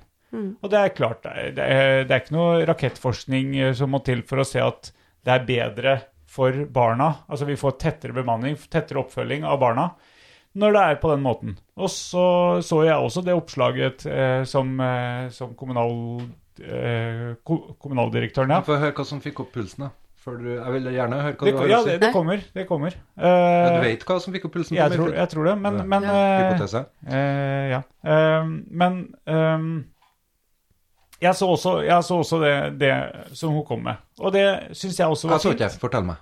Ja, hun kom med at uh, Radioen på kjøkkenet mitt har blitt ødelagt, så jeg har veldig mye mer harmoniske morgener nå. Uff a meg. Uten radio når du har, har frokost? Uten nyheter. Ikke bra, ikke bra, ikke bra. Oi, oi. Nei, uh, nei, de hadde jo bare sett det her, at de hadde samla sammen litt informasjon om at uh, Og reaksjoner på at det her opplevdes bedre. Eh, spesielt barnehageansatte som rapporterer at eh, vi, får, vi ser barna bedre. Vi, vi føler at vi eh, får fulgt opp jobben vår bedre, altså fulgt opp barna bedre. Eh, og så er det en del foreldre som har sett det, som du sier også. Så er det noen som har ytra seg mot det også, da. Men, men jeg var ute og reagerte på Facebook på det oppslaget i Adresseavisa, jeg også. Det første som kom. Var du det? Har du vært på Facebook? Jeg har vært på Facebook. Uh, og, og jeg sier jo l kanskje litt uh, Nå må du bare slå, eller eh, bli sint eller irritert. Men jeg sier jo litt det samme at samfunnet er ikke rigga for at vi innskrenker åpningstidene. Men det er klart at man kunne økt bemanninga i barnehagen, sånn at vi fikk, at vi fikk bemanning hele dagen. Men så er det klart, eh, så skjønner jeg det som jeg tror, da, for å svare Øystein, som fikk opp eh, pulsen, var at noen Nei, bare jeg fikk ikke opp pulsen. Nei, Men jeg begynner å få nå, det er bra. over at Det det i hele tatt blir tatt fram. For det der er jo ikke noe rakettforskning. Vi vet jo det. At det er for lite bemanning i barnehage. Vi vet jo der at vi ikke tar ordentlig vare på ungene våre før vi sender dem videre til skole og slutter. Ja. Og så var det vel, eh, så sa du vel, Mayfrid, at det var bl.a. NHO, som er arbeidsgiverorganisasjonen, bedriftseierorganisasjonen, som vel sa at det her vil vi ikke diskutere engang. Var det sånn? Nå nesten også. Ja, nesten. Vi tar fri, kunstnerisk frihet på det. Ja. Uh, og det er jo klart fordi at eh, det vil jo få store konsekvenser for bedriftene. Og For bedrift- økonomi. Ja, for økonomien. Ja. Og bedriftseierne. Hvis du tenker kortsiktig, ja. Men hvis du Men tenker eh, langsiktig, som, så kanskje. kanskje. det som jeg, te jeg, tenker Mm. da, det er jo at, at hvorfor stopper vi der? Er det ikke nettopp det her vi skal gå videre på, da? Og se om det finnes muligheter. Se om det finnes andre måter å tenke på enn det vi Vi klasker liksom det vi har tenkt i, i 100 år, klasker vi rett oppå en ny idé. Og det var jo en som kommenterte på Facebooken eh, min, da, den posten som jeg la ut, at løsninga for, for det her Og han jobber, jobba, jobber i Tine. Bare ha sekstimersdag. Ja, han sa jo det. Ja. Så det, var, det var det en som eh, kommenterte på da. Ja. At, eh, og Tine har vel akkurat her i Trondheim avslutta et mangeårig Ja. forsøk med å ha sekstimersdag, hvor de har hatt, etter det jeg forstår, jeg har ikke inngående kunnskap om det her, men de har hatt fornøyde ansatte, lavt sykefravær Ja, og høy effektivitet. nemlig. Og så kaster de det på båten, og så innfører de vanlig, vanlig arbeidstid. Eh, Sju og en halv times, sikkert eh, ubetalt pause, sånn at de må ha åtte timer også. Eh, det aner jeg ikke, men jeg bare slenger det på for å gjøre det ekstra ille. Og så, og så er de som alle andre. Eh, men, men det kunne jo vært en løsning, selvsagt, at folk jobber litt mindre. Og jobber man litt mindre, For flere arbeid. så får flere arbeid. Eh, og så får vi litt mindre penger, kanskje. Til som- Hafjellhytta og Teslaen, ja. ja, som gjør at vi må senke forbruket litt. Men trenger vi den egentlig, da? Det var jo hyggelig å være med meg på hytta, men det var ikke noe stor Du hadde jo ei sånn kul hytte. Jeg berømma jo deg for hytta di. Ja, det var veldig hyggelig. Du kom med et badekar med motor og henta meg. Sånt liker jeg. Det var ikke strøm lagt inn. Det var Kun fra sola. Ja. Ja, Det var sparsommelig. ja det, var ikke, det, er ikke noe, det. det er ikke noe prangende hytte. Men det er store vinduer, så jeg har fin, nest- fin utsikt. Nesten så jeg spekulerer på om du har ei anna hytte, egentlig. At du tok meg med til den der, så vi kan fortsette å ha Det, bobkast. det var annekset. Det var en. Du fikk ikke være med i den, eh, du fikk ikke være med i den ordentlige hytta. Nei, men, men, eh, men det er noen sannheter som er opplest og vedtatt av hvordan vi skal drive samfunnet. Som Eh. ble litt stilt spørsmål med nå under koronaen, da. Ja, og det er jo veldig mye i samfunnet som har vært annerledes når vi har hatt korona, som har vært, eh, må jeg si, ganske befriende. Eh, hvor tempo har senka seg veldig, og det er jo mange som har sagt det her om at, eh, at de har funnet noen, eh, noen kvaliteter eh, ved den, det litt rolige samfunnet som vi har hatt. Ja. Mm. Jeg er helt enig i det. Hva tenkte du egentlig med det der med at du klasker en idé oppå en annen idé? Jeg skjønte ikke. Nei, altså vi, altså vi, vi godtar ikke at samfunnet skal forandres. Nei. Jo, hvis det er penger å tjene, Mm, ja. så kan vi godta det. Mm. Se bare det på hva den skal tjene ved å, med å bygge hus. Mm. Altså, altså, sånn som vi, eh, vi lager verdiene, da. Mm. Det er jo et sånt samfunn vi får. Mm. Men så tenker jeg at eh, det er ganske mye snakk om innovasjon. Det er snakk om eh, kommunikasjon. Mm. Og det er snakk om, eh, om å, å, å tenke nytt og endre ting. Mm. Kommuner sitter i dag og har ganske stramme budsjett, og folk flytter. Mm. Det, og vi forlanger at de skal tenke nytt, og finne på noe nytt. Og da er det spørsmål er det da er det lønnsomhet som skal være, være svaret. For meg kan det ikke være det. Det må være at folk har det bra. Og hvis folk har det bra, så klarer de å finne på hva som skal til for å, å ha både til, til mat og annet. Hvor mye penger har man bruk for, da? Det er ganske lite. 22 000 ca. 22 000? Ja. Ok. I, i måneden? Mm, brutto. Før, før skatt? Ja.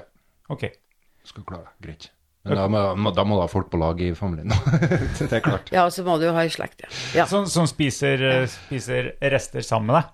Ja, og brenneslesupp. Nei, men det er klart at det samfunnet som vi har bygd opp, som vi er en del av, og som vi er blitt rik på, Ja. det er klart at det er et maskineri Ja. som, eh, som kommer til å gå i mange, mange, mange år til, tror jeg. Men det er ikke noe bærekraftig samfunn. Og nå var det veldig mange tråder som jeg ikke klarer å ta inn alle på en gang. For at Øystein hadde et stikkord her, så må du spise brenneslesuppe. Og du ville gå videre på den? Eh, Ja, eh, lite grann, og så må vi tilbake igjen også. Eller skvallerkål. Skval... Du, vet du hva? Eh, Den Åh. Og det nå, jeg, nå blir det skvallerkål for meg, da. Det går ikke an å si. Si det en gang til. Skvallerkål? Nei, ikke, ikke, på min dialekt. Å nei, skvallerkål? sk Nå, er du påvirka. Å, jeg ble. Skvaller. Skvaller. skvaller. Nei, skvaller. Du skjønner Skvaller. det at jeg er fra Lierne. Jeg vokste opp der, jeg. Oppe i Sørli. Gamle Nord-Trøndelag. Gamle Nord-Trøndelag, langt inni Så Halset er ikke her. Nei, det er fra, nei, det er fra Inderøya. Oh, ja. Ja, Faren min var derfra, Ja. mora mi Det ble enda en tråd vi må Lierne, jeg tror. Og så Ja Hvor var vi? Skvalerkål. Skvalerkål Skvallerkål, det. Nei, vi har ikke tid til eh, brenneslesuppe. Jeg er livredd. er det- Møyfrid, du er litt uh, krank i ryggen. Jeg er Nei. livredd for at du Nei, Det går nei, bra? nei, nei. Det går bra? Helt bra. Okay. Når jeg har det artig, så går det okay, okay. Jeg, jeg har en tanke, så, som vi må Men videre. Jeg er eh, skvaller... Altså, grunnen til at jeg sier skvaller, Skvallerkål. det er at dialekten min i Lierne, vi har ikke palatalisering. Å nei. Nei. Og palatalisering, det er sånn ai og han og kan. Ja, for- Så vi sier sa, sand og strand og kan og Øystein er veldig interessert i dialekt. Ja, det blir neste på. Ja. Den kan vi ikke ta i dag, Øystein. Nei, Men, men eh, så Øystein har nemlig laga brenneslesuppe i dag. Ja. Det sparte noen kroner på. Det er veldig næringsrikt, Øystein, og det er veldig godt. Nei, det vil jeg si jeg overdriver, men det var Nei. greit. Det var greit. Nei. Jeg er ikke så god kokk på akkurat det. Nei, ok, da er det Men det er godt. det er for dårlig på, fordi at kremet Jeg eh, hadde ikke fløte. Åh, Nei, så jeg droppa det hadde vært godt med fløte, men det koster litt mer, Men da. ungene klaga ikke, de sa det var godt, så De er Nei, veldig, du er veldig høflige barn. Nei, det har jeg ikke. Vanligvis så klager de på maten min. Så, eh, men Møyfrid, du lager altså skvallerkål. Eh, eh, Ja. Hør på det ordet. Nei, men det er helt, helt greit, det. Skvallerkål, ja. Skvallerkål, ja. Det heter Men du har det. lært deg å palatalisere, da? Ja, jeg flytta fra Sørli da jeg var 15, Ok. og da begynte på Steinkjer landsgymnas. Ja. Og så traff han Ivar. Han er fra Sparby, da. ja. Så da, la om, eller da snakka vi libygg hjemme, og så snakka vi Sparby-dialekt ute. Tok du også Sparbu-dialekt? Ja, ja. Nå må jeg bare ta Både etternavn og eh, dialekt? Ja, det... Du det- tok etter begge deler? ja. Du er, du er, du er ganske tilpasningsdyktig. Veldig. Men så Men så men så gikk det Ja, så ble det. Det blir for vanskelig for meg. Jeg må, jeg må ta hanken den her dialekt og identitet. Jeg slår to fluer i en sekk. Jeg Gjør det. Jeg er Kjør på. som er på jobb jeg nå. Eh, Ja, hva betyr eh, dialekta for identiteten din, eh, Møyfrid? fra Lierne. Ja, altså den Det, det har jeg lurt på sjøl òg. For det at vi var jo på besøk hos farmor, da, vet du, så da på Inderøya, og da snakka jeg jo litt Prøvde jo å snakke litt som dem, da. Og du slo om? Så slo jeg om, da. Kameleon? Men når jeg, øh, når jeg var sammen med mamma og pappa, da, så gikk jeg jo tilbake. Ja. Men det er ganske vanlig. Og så, ja da. Og, vi, og den, vi bodde jo i Sparbu, da. Og, eller når jeg begynte på gymnaset, og da snakka vi jo sørlig dialekt hjemme. Og så Og søsknene mine har jo holdt Flere av dem har holdt Ja, de har holdt mer på dialekten enn jeg, da. Så jeg har liksom litt sånn ja, så det ble mer, eh, mer sånn en blanding, da. Men der palataliseringa, den eh, har jeg, har jeg minst av, da. Men kan, kan vi komme med noen eh, sto, gode eksempler på Jeg klarer ikke ordet engang. Palatalisering. Ja, kan du, du som er dialektlærer. Han, hun i bann. Han, hun i bann. Ja, det er ai, Det- ai. det Alle a-ene blir satt i attmed. Alle ane. Ja. Han, sier jeg. Og. Han. Og han. Han. han og strand og kan og Akkurat. Det er Ja, palatalisering. så øh, Men hvorfor hvor- Hva var det med skvallerkål som og, Du kan palatalisere foran Ella òg. Oh. Som ball. ball. Ja, Skvall. Skvall. Der fikk jeg det! eh, skvallerkål. Ja. Skvallerkål. Istedenfor at, det var godt. istedenfor at du tar tuppen av tunga opp Ja, ja, ja, i så blir det sida. Ja, midten av tunga. Ja. Mer midten av tunga. Og jeg ser for meg alle de herlige podkastlytterne våre nå som sitter og øver med tunga. Skvallerkål. Og til elevene mine så har jeg jo den klassikeren her. Det kom en mann med en hannhund i et bånd i ene handa, og i andre handa holdt i. Noe som klunka lite grann, og som visst nok var Må ikke spille mer nå, for da blir den tatt av iTunes. Okay, sorry. Hvem var det? Eh, Åge Aleksandersen. DD Brøndbo. Otto Nilsen Otto Nilsen. med Jørstad sin tekst. Ok. Veldig Jeg tror det er det. Ja, nei, det vet ikke jeg. Jeg bare bruker det Sjekk som det. eksempel. Men, men det er altså skvallerkålsuppe. Det er godt. Det var det du ville inn på? Eller det du ville Ja, eller du kan lage, med? du kan lage pesto av skvallerkål. Pest. Oi. Men det er tida for det nå, er det ikke det? Ja. Eller er det for seint? Nei, ikke for sent. Det går fint an. Jeg Det er- lurer på om Men det- naboen min har en mengde skvallerkål. Men det, i det minste han er Ja, det har han sikkert. Ja. Det minste han er best, da. Kort. Ok. kort. Birger Jørstad. Ja. Riktig. Ja, Som hadde teksten på den, altså. Kan vi, kan vi ta et sånn eh, natur... I ja. Eh, Kan vi ta en sånn naturting til som eh, anbefaler folk å høste nå? Kanskje det er litt på, i seneste laget? Hva fant du ut om? Skvallerkål? Var det for sent? Eh, nei, Nei, okay. Går men, bra. men eh, du bør gjøre det nå. Ta det før sankthans, da. Jeg, jeg, jeg prikker så gæli i Jeg fortalte Møyfrid det opp her, at det, det knitrer i hendene mine. For eh, jeg mener jo at det er psykisk, bare det der. At du brenner deg på brennesla. Det er psykisk, ja. ja. det er psykisk. Så jeg bruker ikke uh... Dust. Akkurat som farang er psykisk, det dreier seg om innstilling. Kom deg på arbeid. så Hvorfor hvor, vi har, eh, Møy- Møyfrid, nå må jeg be bare om unnskyld. Dette er veldig internt, og alle lytter og alt, uh, alle fem. ja. Uh, nå tok du opp Farang. Uh, og da må jeg også få lov å ta opp mine dorutiner, sånn som før, vi, oh, før. Møyfrid kom på besøk her. Da fortalte jeg at jeg hadde et behov, og det måtte jeg gjøre. Du sa at du bæsja rett ut til meg, og det liker ikke jeg. For da visualiserer jeg meg deg som sitter og bæsjer. Men hvorfor gjør du det? Normale folk, Det er derfor vi passer språket vårt litt. Det er derfor vi begrenser litt grann sånn Nei, for, nei i forrige podkast så snakka vi om at vi skulle uh, Møyfrid skåler i kaffekrus og glass her mens vi snakker om ja, det, er en, det er veldig bra timing, Møyfrid. Og du la til konsistens etter hvert òg. Jeg kjenner at det hadde, det hadde du behov for å vite. Nei, men jeg, eh, men jeg har jo sagt at jeg har operert i magen. Ja, og jeg hadde koldbrann i tarmen for eh, en del år siden. Ja, og det gjør åpen, at jeg har litt sånn interessant tarm. Du er fysisk åpen nå når du er åpen. Du har jo ikke vanlige følelser sånn som meg, som du er åpen om. Tunge følelser, depresjon og angst og sånne ting. Det jeg skulle si i stad, eh, om eh, jeg skulle et hakk videre fra sk skvallerkål, så skulle jeg si at jeg anbefaler folk nå gå ut, finn geitrams, Ja. og så ta Nå begynner den å bli litt høy, da. Men ta den øverste delen og behandle den som asparges. Det Eh, Møyfrid sitter og sier 'yes' litt stille i, i mikrofonen. Det kan du gjerne Ja, nei, heve godt opp. tips, godt tips. Ja. Har, du, har du prøvd? Ja, godt Nei, tips. ikke prøvd. Og så har jeg også ei oppskrift på å lage te av uh, geitrams. Geitramste? Ja. Ok. Kan, kan, har du den i hodet så du kan dele den? Nei, nei, jeg har ikke lagd den. Jeg har bare, bare fått et glass hos en som kan å lage det. Er det godt? Ja, det er veldig god te. Og det kan du, det kan du ha utover vinteren? Ja. Det er, og det er, det er noe av det beste.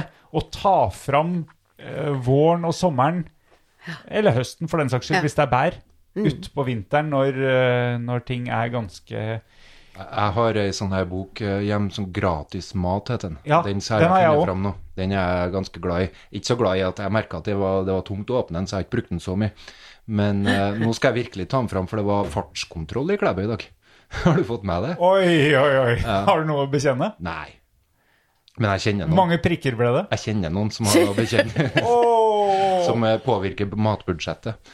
Så nå blir det smalhans, og neslesuppe. Og for å, si, for å si det sånn, barna dine har ikke lappen, og det er bare én til igjen i husstanden. Nja Nå gjorde du litt for mye jobb her. La lytteren få lov til å Ja, Det men- der har vi snakka om før. Jeg tenker høyt. Jeg Ja. tenker høyt. Ja. Ja. Det er ikke noe særlig. Det skal jeg slutte med. Du er et fartøy for lytteren. Men det her med, det her med hva naturen kan gi oss, og hvordan eh, det, det her er jo noe av det som vi, vi ønsker å få til opp på seminarplassen. Du, jeg må, jeg, fin overgang. Nei, jeg, jeg vil Nei. ikke. Jeg vil ikke Vi er- dit ennå. Fordi at jeg må innom den her Hva skal vi med skoler, egentlig? Ja. Hva, for det var bort i korona. Og så hadde vi nettundervisning, og så, og så tenker jeg du har Hva er hensikten, formålet, med skole? Skolen er sosial tilpasning. Bare Altså, hvis, ja, altså, hvis du eh, altså, det, det er klart ungene går på skole for å lære noe, og ungene er veldig vitebegjærlige. vitebegjærlige. Og en, en skole skal egentlig hjelpe en unge til å, å vokse. Og når en eh, når, eh, Og det gjør en Men en unge kan ikke vokse hvis en er redd.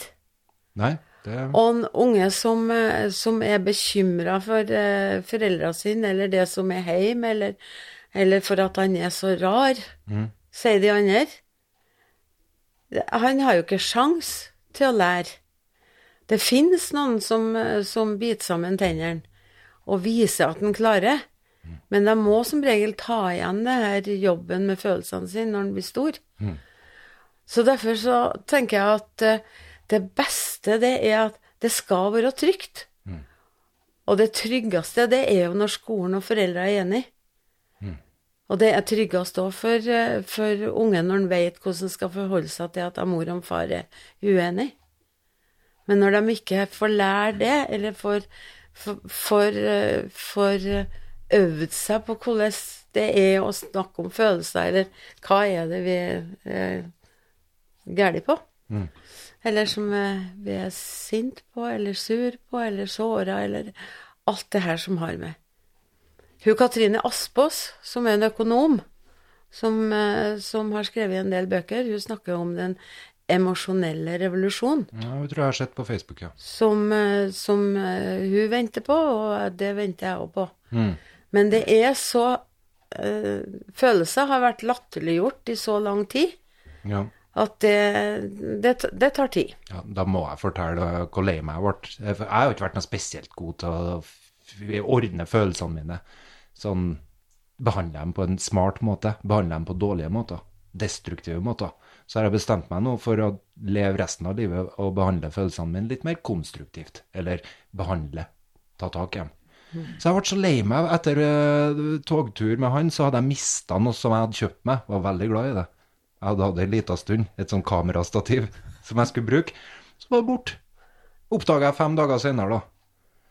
Og så skulle jeg liksom fortsette å være i huset med unger, og svigermor var på besøk òg, faktisk. Og samtidig som jeg egentlig var Jeg hadde mest lyst til å bli sint, da, så klart. Men det kunne jeg jo ikke bli. Men så, for at jeg tror jeg egentlig var veldig lei meg. Så fant jeg ut at uh, kanskje jeg bare skal fortelle det. Så fortalte jeg det til ungene. Så fikk jeg en klem, og så Ja, jeg slutta jo ikke å være lei meg, men det hjalp jo litt. Det ble jo litt likere. Ja. Og så fikk jeg enda en klem, og så ja.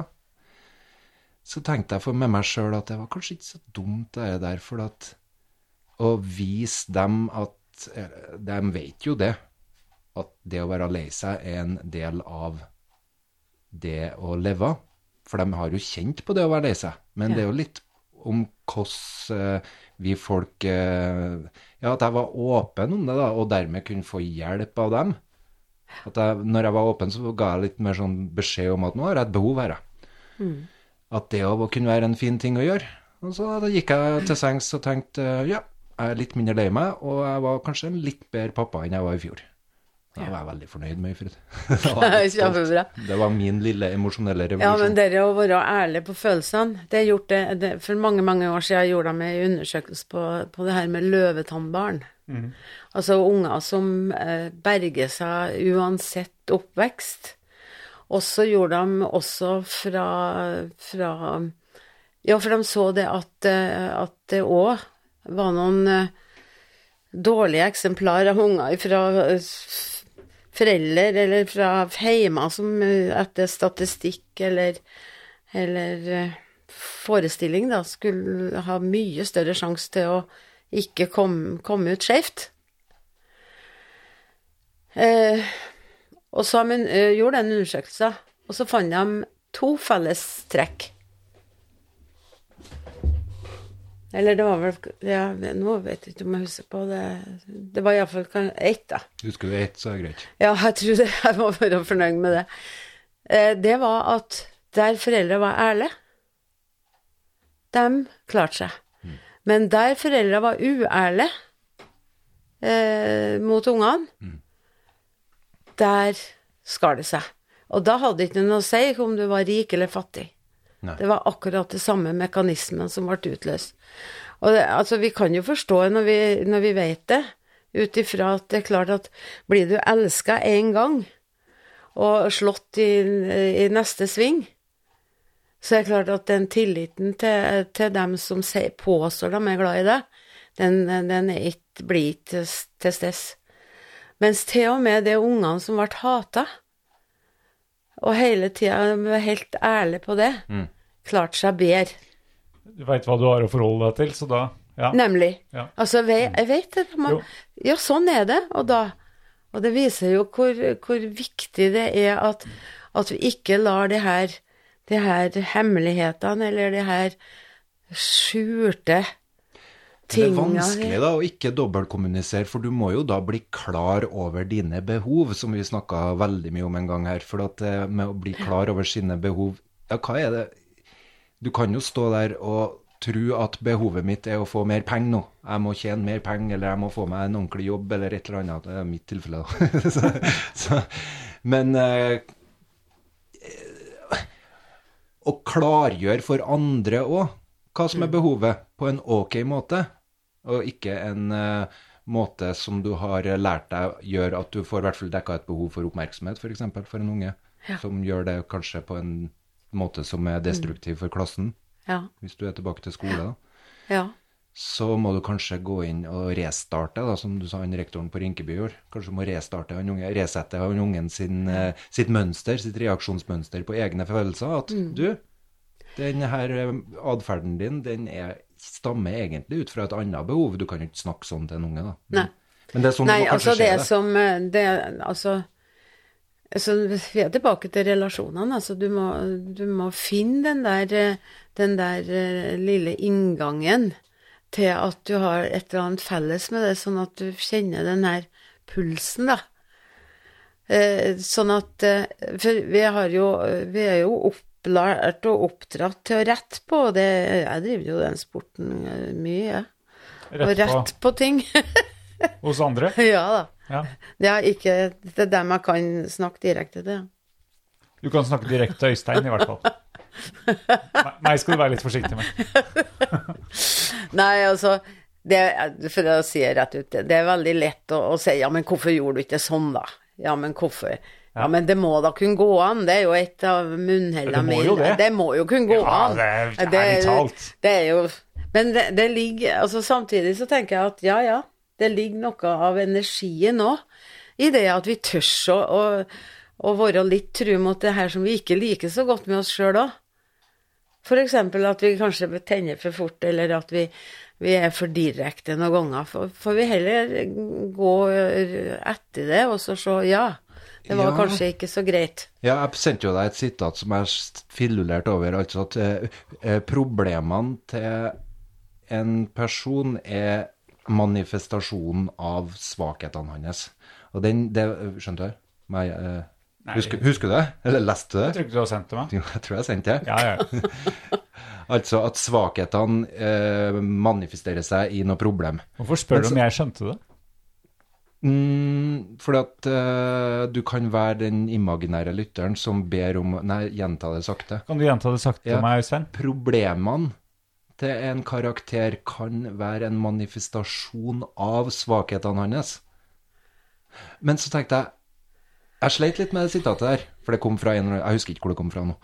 Men det er jo noe i det du sier, at energien ligger jo der òg. Altså eh, Jeg får mye problemer med at jeg er litt for direkte. Skal, At jeg ikke er flink nok til å avpasse signalene mine. Altså til skal jeg gi deg et eksempel? Eh, ja.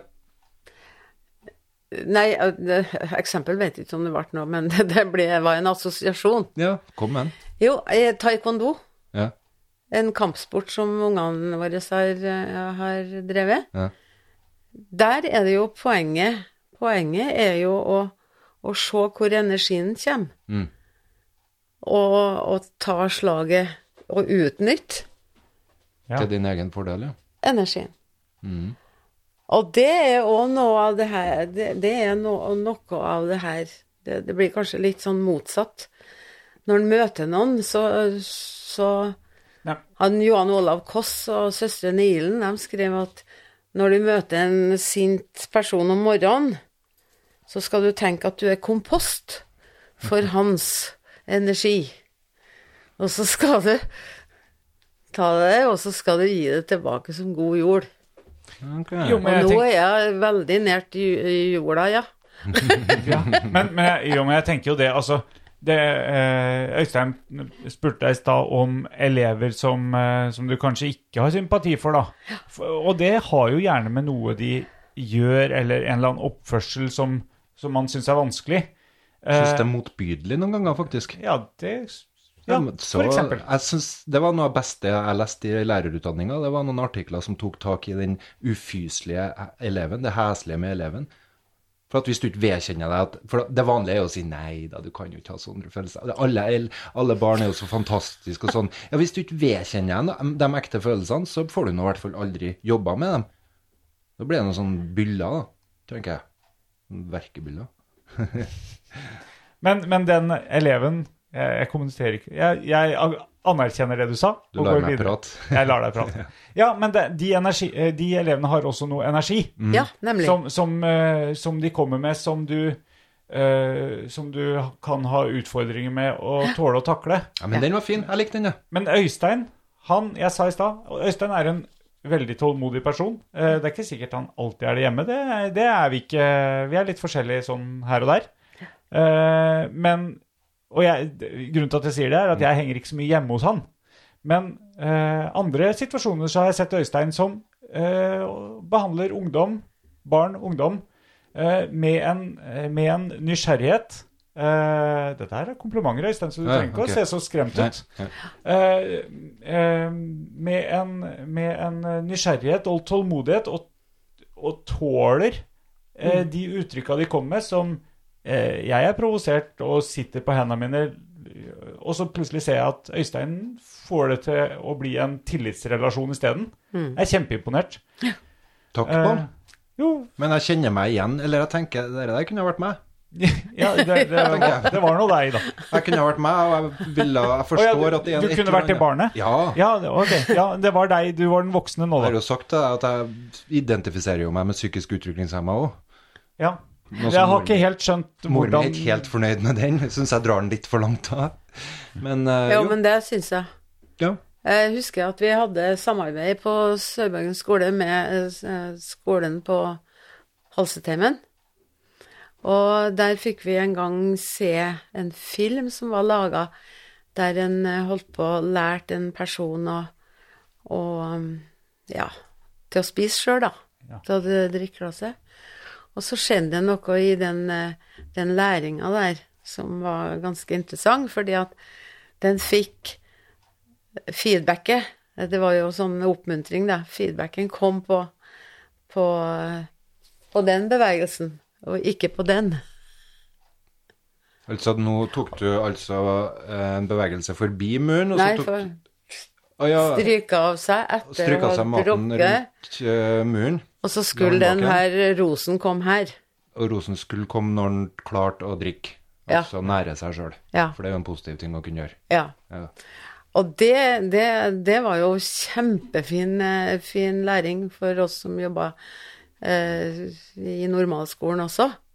Ja, for For nå, nå tok jeg poenget ditt. For For en fikk jo Altså, hva er det vi roser? du ro, han ble rosa for det at han tørka av seg Ja. og re, rengjorde seg, Ja. men ikke rosa for at han næra seg, det som kan berge livet hans, på en måte. Og, og, bare for, og bare for å hjelpe de lytterne som ikke er Klæbygg, så er Sørborgen skole, som du jobba på, en skole i Klæbu. Ja. Og Halsetheimen, som du nevnte, eh, var inntil 91, når HVPU-reformen eh, var, en stor sentralinstitusjon eh, for alle nord for Dovre, var det ikke det? Ja. Eh, Nei, nei, for, nei, det var en nordafor også. Ja. Men det var nord for Dovre og et stykke oppover. For psykisk utviklingshemma. Ja. En, og hvor mange var det som, som bodde i Klæbu da, som var på den? Det, det har prega Klæbu-samfunnet. Øystein, du har veldig lyst til å ha en podkast seinere om Jeg hadde jo òg lyst til å ha en om seminærplassen, men det ser det ut som vi ikke får til. Nei, nå du, Vi er nødt til å ta det nå. Eh, Det er noen som faktisk har gledet seg til at du skulle komme og fortelle om eh, seminarplassen, så det er et svik mot lytterne våre å ikke komme inn på Ja. den saken nå. Eh, Men det var det Vi kan ta seg, en segway, altså en overgang til det med Du snakka om skolen er sosial tilpassing for ungene, og så går vi 300 år tilbake, 1700-tallet. De skal begynne Hæ? Jeg tenkte å gå litt før det. òg, jeg. Tenkte å gå der de begynte å sende lærerne rundt på gårdene og gi dem eh, Ja. opplæring, kunnskap. Som eh, var en fin måte å å få kunnskap i folket på. ja, Hvorfor begynte man med det, egentlig? Nei, det Hvorfor begynte man å skulle Hva var Det var etter, etter, etter reform... eh, den der eh, reformasjonen. Ja. Da vi gikk over fra katolisismen til, til protestantismen. Her er vi tilbake på religion igjen. Ja. Ja. Og da, da etter hvert, da Eller altså, det var jo 200 år imellom reformasjon og, og konfirmasjon. Konfirmasjon kom i, i 1736. Okay. Og da, da skulle de Målet var jo å lære dem Luthers lille katekismus. Eller den var jo ganske stor den gangen, da. Og da var det om å gjøre å lære dem å lese. Så det, det var jo en av hensiktene. Altså du skulle oppdra dem i en kristne tro. Eller Det, det tror jeg det er en dårlig idé, eh, vil jeg si, da. Å lære folk å lese. Fordi at det, det gir dem jo mulighet Nå var det kanskje ikke så store biblioteker på den tida, og heller ikke internett. Men det gir jo folk mulighet til å lese seg opp på ting som du ikke liker også. Så jeg tror, jeg tror de gjorde Det var et feilgrep. De skulle ikke starta med det. De skulle heller bare hatt en som sa hva som sto der. Det gikk ikke an å lese noe som ikke var lov, for at de ble eh, tatt bort. Hvem da? Det, det ble sensur. Det var ganske strenge myndigheter på den tida, vet du. Ik og de hadde ikke nett. Eh, Nei. Podkast. Ikke noe nett, ikke noe bibliotek. eh, Nei. Var dårlige saker. Så det jeg ville fram til, var jo det at dette her er- var en, på en måte en, eh, en klasserevolusjon. For eh, over 90% bodde jo på bygda på den tida. Ja, Så det var det. Men eh, det var jo Altså, jeg vet ikke hvor du vil nå. Det jeg, jeg vil til det at skolens formål er ikke bare det her med å eh, Har ikke vært til bare det her med å tilpasse den enkelte eleven, men det, har jo vært for å utvikle samfunnet òg. Og det med eh, at vi fikk eh, At ungene fikk opplæring på landsbygda, ble jo en, eh, en mulighet for dem. Det var jo en, en som de ikke hadde hatt før. Før var jo, var jo framtida deres styrt av hvor eh, av gården de kom fra, sikkert. Eller, Ja, eller det håndverket som de lærte seg, da. Ja. Så Så, og, Eller der de, der de fikk jobb. Men eh, jeg tenker at eh, altså den som førte til at vi fikk Klæbu seminar, da, det var jo skoleloven av 1829. Så- Nei, 27. da har vi kommet til saken. For dem som reiste rundt på gårdene. Der var vi på saken! dem som reiste rundt på gårdene, det var jo dem sjøl som hadde gått opp til konfirmasjon. Og så valgte presten noen av dem som var flinke. Ja, det var to dagers opplæring hos prosten, Ja. var det. Og så valgte han noen som var Ja, det var jo Ja, det kunne òg være dem som hadde et tydelig handikap, sånn at de ikke, ikke ville være arbeidsfør, Eller dem som ikke ville ha i militæret. eller ikke ville i militæret, f.eks. For det var verneplikt. Hvem, hvem er det dere snakker om nå? Nå snakker vi på slutten av 1700-tallet. omgangslæreren. Ja, ok, de, de eh, Ja. Tidlig internett. Sånn saktegående internett. Veldig bredbånd. Han okay. som går Veldig- fra gård til gård. Veldig, Veldig, sånn, sakte. Veldig smalt bånd. er veldig koronatidsskole. Ja. Altså det er ikke samtidig ut til alle elevene, men du går fra elev til elev. Eller de Ja. samles kanskje Så lærer du De samles. ja. lite grann. Men, litt eh, Det var ikke noen skole skoler, sånn sett. Det Nei. tok en god stund før det Nei, kom. det var ikke noe. Altså, den første skolen, det var Sletten skole, som ligger oppe på Halsetemmen nå, og er fullt intakt ja, Den utapå. første skolen altså Fastskolen Hvor? I Klæbu, da. i Klæbu. Ja, men, men eh, jeg, må, jeg må stoppe dere som Altså, Øystein, du er klæbygg. Mm. Og selv om du har sagt, eh, Møyfrid, at du er fra Lierne og sånn, eh, så Ja, nei, jeg vil er, Jeg får ikke lov å definere deg som klæbygg, kanskje. Jo, så, i, Se der. absolutt. Nemlig. Og, og dere bare lefler og hiver ut ord som f.eks. Klæbu seminarråd. Nei, vi har ikke kommet for, til det, Ja, men dere har, dere har sagt det Nei, det har bare blitt nevnt, det har bare blitt sådd. Så klargjør. Klargjør Kla, Klæbu seminar. Hva er det for noe? Det høres ut Vi har ikke kommet dit. Fordi at Poenget var jo det at de her lærerne reiste rundt, og så har hun nå nevnt skoleloven som kom i hva du sa, 1829, 1829. Ja, 27 var det vel, et eller annet. Ja. Som da ville gjøre noe med at de her karene som for rundt på gårdene, de var kanskje ikke så egna, de hadde kanskje ikke så lette liv. Lærergjerningen var kanskje et eh, kall for noen, men for noen så var det kanskje en eh, unnskyldning, eh, vikarierende motiv, for å komme seg unna eh, Gårdsarbeidet? gårdsarbeidet kanskje hadde de ikke noe framtid pga. Eh, dårlig eh, skal du si, hva du sa, helse. Helse. Handikappa. Ti, tommel, ti tommeltotter? hvis du jobba ti år etterpå, så kunne du slippe eh, militærtjeneste eller et eller annet. Det er ikke så farlig. Poenget var at de bestemte seg for å gjøre noe med det, og skulle utdanne lærere. Norge 18 var veldig Norge. fattig på den tida, og de eh, bestemte seg for at de, eh, det første de måtte gjøre, det var jo å, å få til lærere. Som kunne kunne eh, undervise. Det var en fersk stat. Den staten var veldig fersk, og de hadde egentlig ikke, ikke penger til det. Så de bare bestemte bestemte uten å ha noe særlig bevilgninger.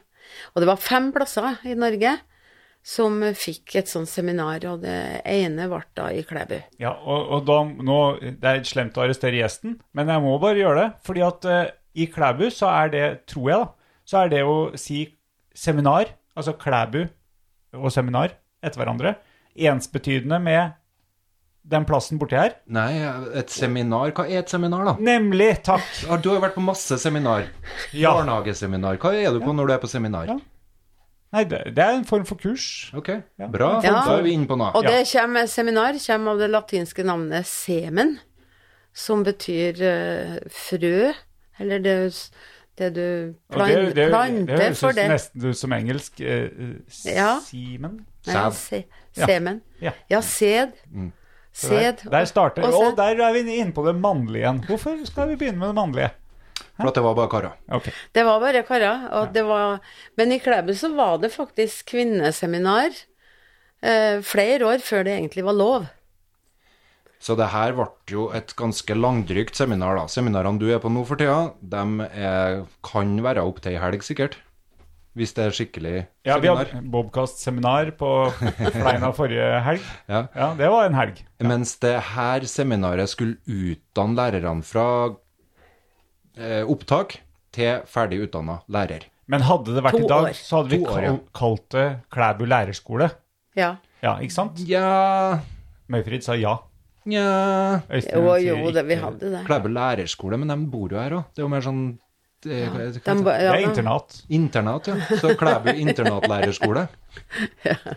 Men grunnen til at vi har de her, det er jo både at etter at lærerskolen da flytta til Eller Klæbu seminar flytta til Levanger, så, så kom jo Blindeskolen til Norge, og den fikk navnet Klæbu offentlige blindeskole Ja. i 20 år.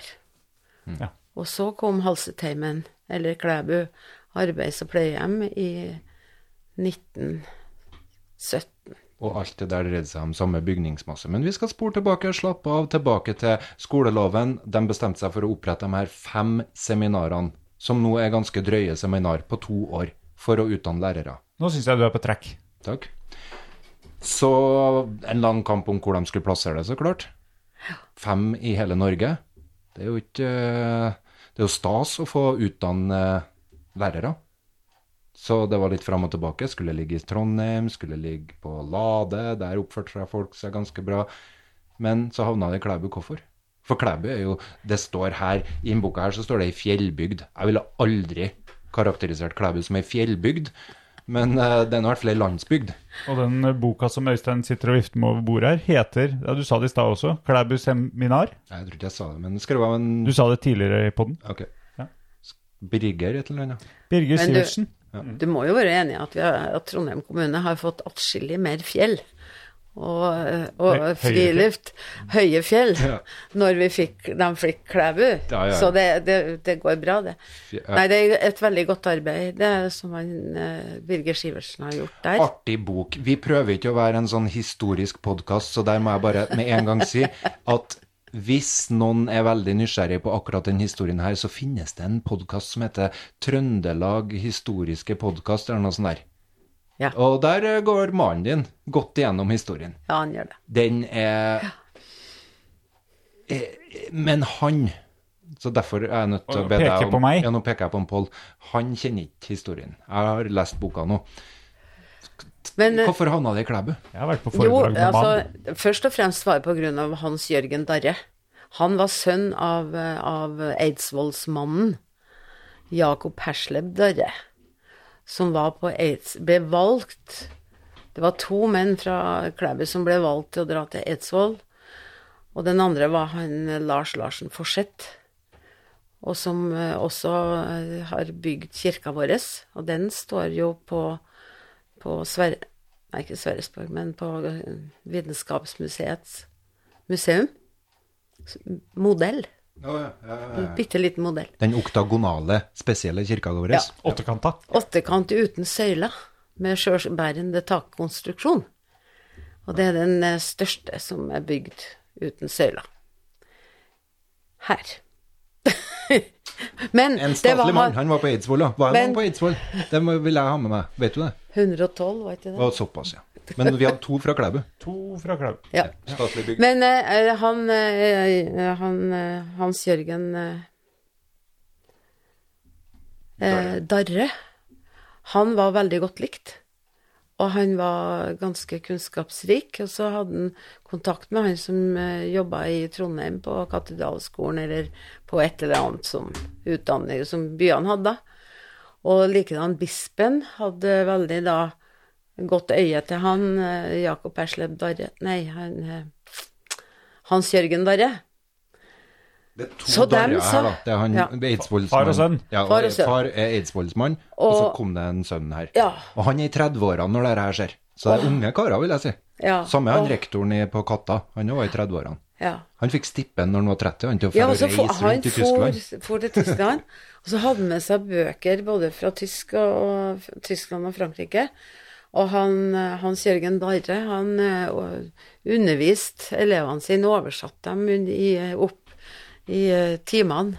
Oversatt til dem Men det, men det å ha godt nettverk er ikke noe nytt, da, skjønner jeg. Nei. Kjenner bispen og kjenner litt sånn forskjellig, så det hjelper. Og ha godt rykte, godt og godt- omdømme. Godt omdømme og godt rykte.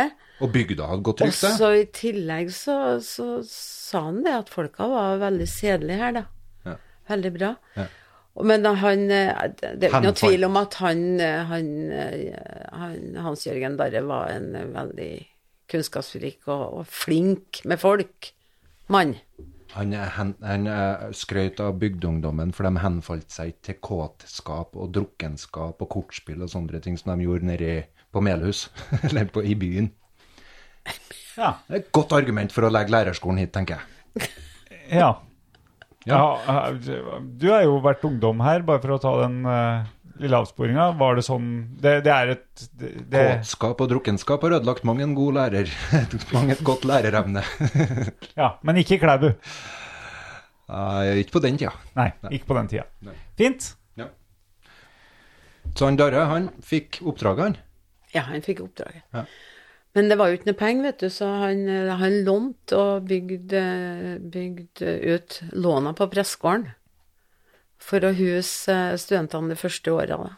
Fire første året. Og det Og- der har jeg tatt meg bryet å gå inn på den der inflasjonskalkulatoren og finne ut, for det var noen spesidaler han la ut, han. Ja. Og spesidaler sier meg veldig lite. Det var på 18 av 40-tallet her. Så til slutt så hadde han satt den i med gjeld, så regna med inflasjon og alt, som var sånn ca. 330 000. Eller ikke gjeld, da, men som han hadde spytta i fra egen lomme. Ganske bra, må jeg si. Ja, det, det er initiativ i jobben. Rett mann fikk oppdraget. Han var, han var jo Han blir jo også kalt sånn grundtvikianer, da. Altså, det var en ganske frilynt. Ja, hva er det for noe? Det, det er en sånn um, motsats, kan du si, til, til, det, til, til Hans Nilsens Hauge-bevegelser. Haugianerne. Haugianerne, som var i periode, eller iallfall i den tid, var, var betrakta som litt tung. Sto sterkt i Klæbu.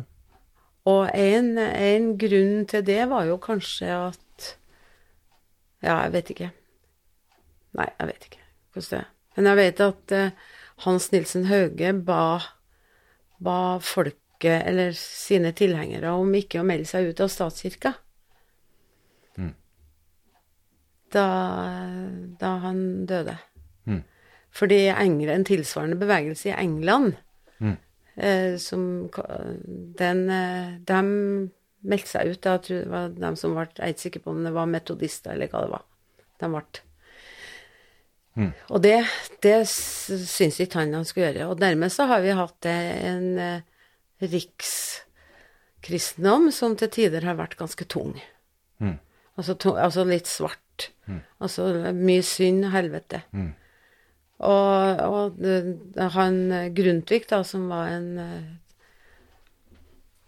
Litt lettere år. en, person fra Danmark og litt av det her litt gladere, Mm. var opptatt av det som var eh, Ja, Darre livet var- var bra. Darre var en eh, litt lystigere type. Ja. Likt. Mm. Satt i gang med oppdraget. Fikk beskjed om at du må starte eh, etter sommeren nå. Det ble litt for uh, tidlig. Så de satte i gang hva var det, 1. januar 1840 eller noe sånt der, med 12 eller 13 12 eller 13 eh, seminarister, kalles de. Lærerstudenter, Ja. ville vi sagt. Ja. Mm. Og de hadde nok undervisning på den tida. Ja. Det som var litt artig med undervisninga der òg, det var jo at de var veldig opptatt av pedagogikk. Ja. Men det var ikke et sånn, sånn stuereint ord ennå den gangen. Mm. Så det står ikke noe om i, i uh, vitnemålet. Nei. At de lærte noe om pedagogikk. Nei. Men jeg har ei sånn artig historie, syns jeg, da. Jeg kjør på. Fra, hun, eh, fra han Engebrekt Haugen, Aha. som var, gikk på Klæbu seminar. Mm. Og han, eh, han hadde kjærlighetssorg mens han eh, var her, eller fikk det. Og satt og skrev en eh, sang, kjærlighetssang, da, som heter Sjåsole på Anari Pigg. Ja. Og den er skrevet på en trapp på et av husene i seminaret her, da. Men nå er den gjort om til Høvringevisa. Eller ikke gjort om, da, men Høvringen. For det var noe kjent med det der? Ja, Høvringen har tatt, tatt den, eh, den til seg. Men poenget er at det var det at han har gjort det. Men han var, ble en veldig dyktig lærer, og etter hvert så endte han oppe i Tønsberg. Ja.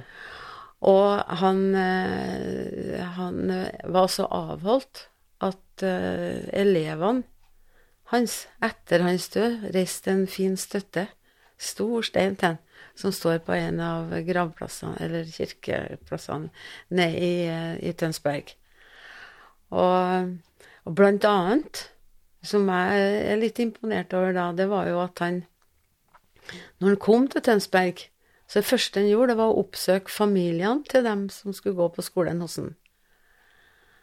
Og bli kjent med dem. Og så åpna han heimen sin og sa at dere må bare komme hit hvis dere vil diskutere ting og dere lurer på ting, osv.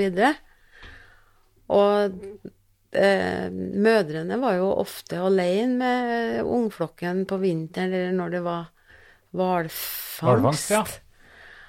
Sånn at eh, han hadde jo mye besøk av, eh, av eh, foreldre og, eller mor og, og, og barn, da, i forbindelse med den.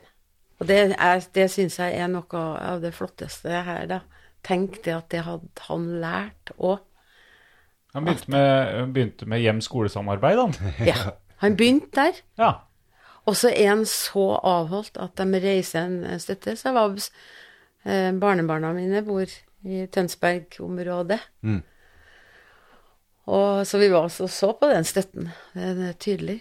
Ja. Var fin. Drømmen, ja, som lærer. Ja, tenk deg det. En pyramide etter seg, eller noe sånt. Ja. Eller et mausoleum. Du sikter der, Øystein. Eh, nei, jeg gjør ikke det, altså. For jeg forteller en annen ting, for å trekke linje helt i dag. Ja, kjør på. Den 9. juni så hadde, hadde, hadde vi fjerdeklassen. Det er spennende. På- Men du, Maurfrid, du får ikke lov til å gå dit ennå. Du får ikke lov til å gå dit ennå fordi, fordi at vi har ikke etablert for Pål helt hva det her seminar er, er for noe ennå. Nei, det, det Og hvorfor, her, hvorfor du har de her uh, småungene. For at det, det, er det er spennende. Vi skal absolutt dit. Men de måtte sjølsagt huse de her elevene. Altså lærerstudentene. Ja. Du skjønner det? Ja, ja, de starta, du hørte, de starta med å huse dem på prestegården. ja. Uh, det ble ikke nok plass der, så han spytta i mye penger, og så til slutt så bygde de det som ble kalt for Seminarplassen, og fortsatt kalles for Seminarplassen i dag.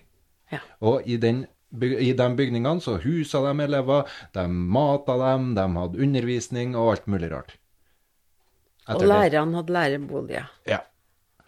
Og fastskolen. Det er, det er et eller annet med de bygningene der som gjør at Møyfrid har øh, øh, kom, meldt seg på et eh, prosjekt som du har en finger med i spillet òg, Pål. Ja, det er det. Har du glemt nå at du har vært eh, Tenk- ansvarlig tenk- tenker politiker? Du på, eh, ja, du tenker på politiker, Pål Kristian, du nå? Ja, fordi at vi ble til Trondheim, og de her bygningene står her enda i dag. Og nå kan du få lov til å gå til det du hadde med den her eh, skoleklassen på fjerdeklassingene, eller hva det var. Ja, hvis vi ikke skal ta Ja. Ja, for vi har nå et prosjekt Mm.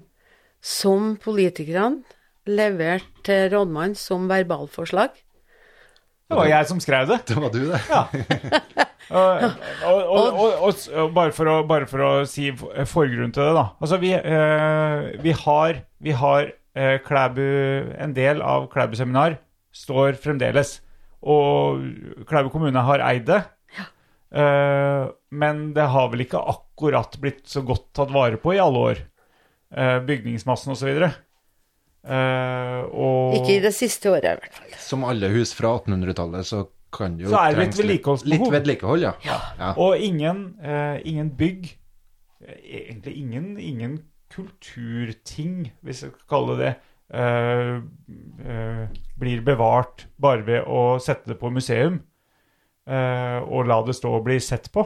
Nei. Så, så det som var ønsket til Klæbu kommune, eller politikerne som jeg representerte da, var jo at vi skulle få overlevert det her til frivilligheta i Klæbu.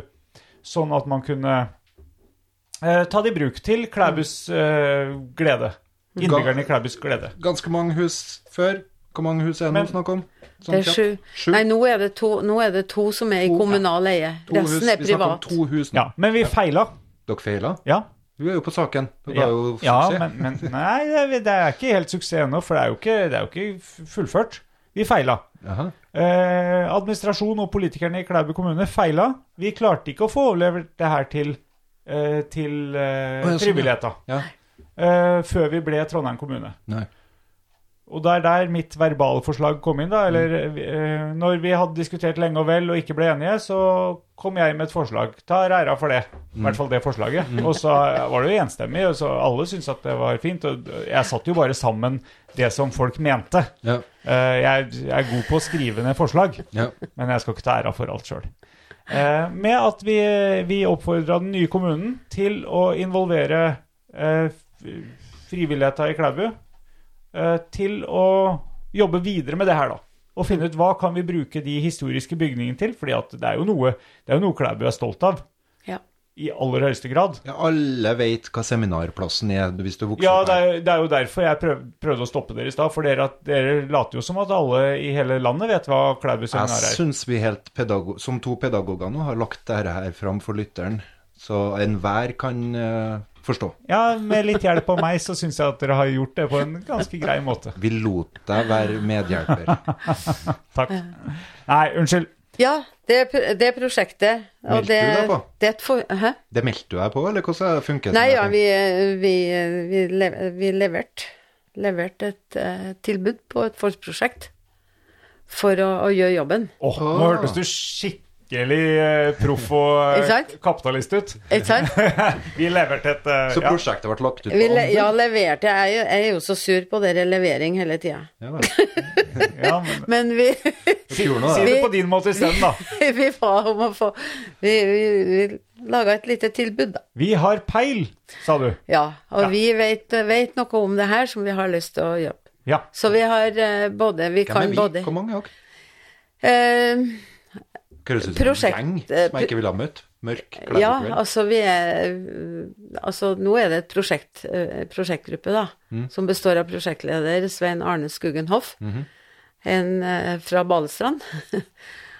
og han har vært rådmann, og han, ja, han driver sitt eget firma, da. Okay. Og så er det Nivar Skei, Ja. og så er det Kjersti Utne, Ja.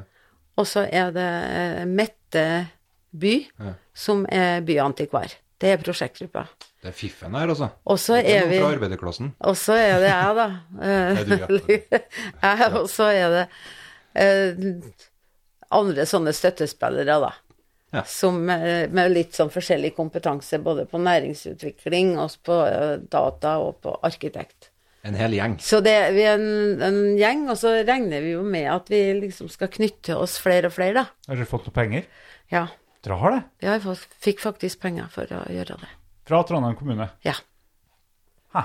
Og vi skal levere rapporten. Vet du hvor mye dere har fått foreløpig? Ja, det vet jeg. Er det offisielt? Det er det jo. For det er, Ja, det er bare, jo å, le mine skattepenger. bare, bare å lese. Det er 300 000. Se der, ja! Åh, det, det, det gjør meg kjempeglad, fordi at eh, det var jo diskutert i kommunestyret at eh, Trondheim kommune kommer ikke til å ha lyst til å, Mm. eh, å bruke penger eller noe energi på det. De, de tok feil. Trondheim kommune er ikke så verst likevel. Nei, ja, det- 300 000, det er ja. jo Nei, det syns jeg vi er Hashtag veldig Hashtag kommunesammenslåing. Ja. Vi snakker litt om det i en del Ja, dere gjør det. Ja. Ok. Jo, og så har vi eh, hekta på en ting til som vi vet at Trondheim kommune er veldig gira på, og det er 3.0-kommunen. Altså den her Kommunen 3.0, ja. samskapende mm. samspillskommunen. Nå dette er av.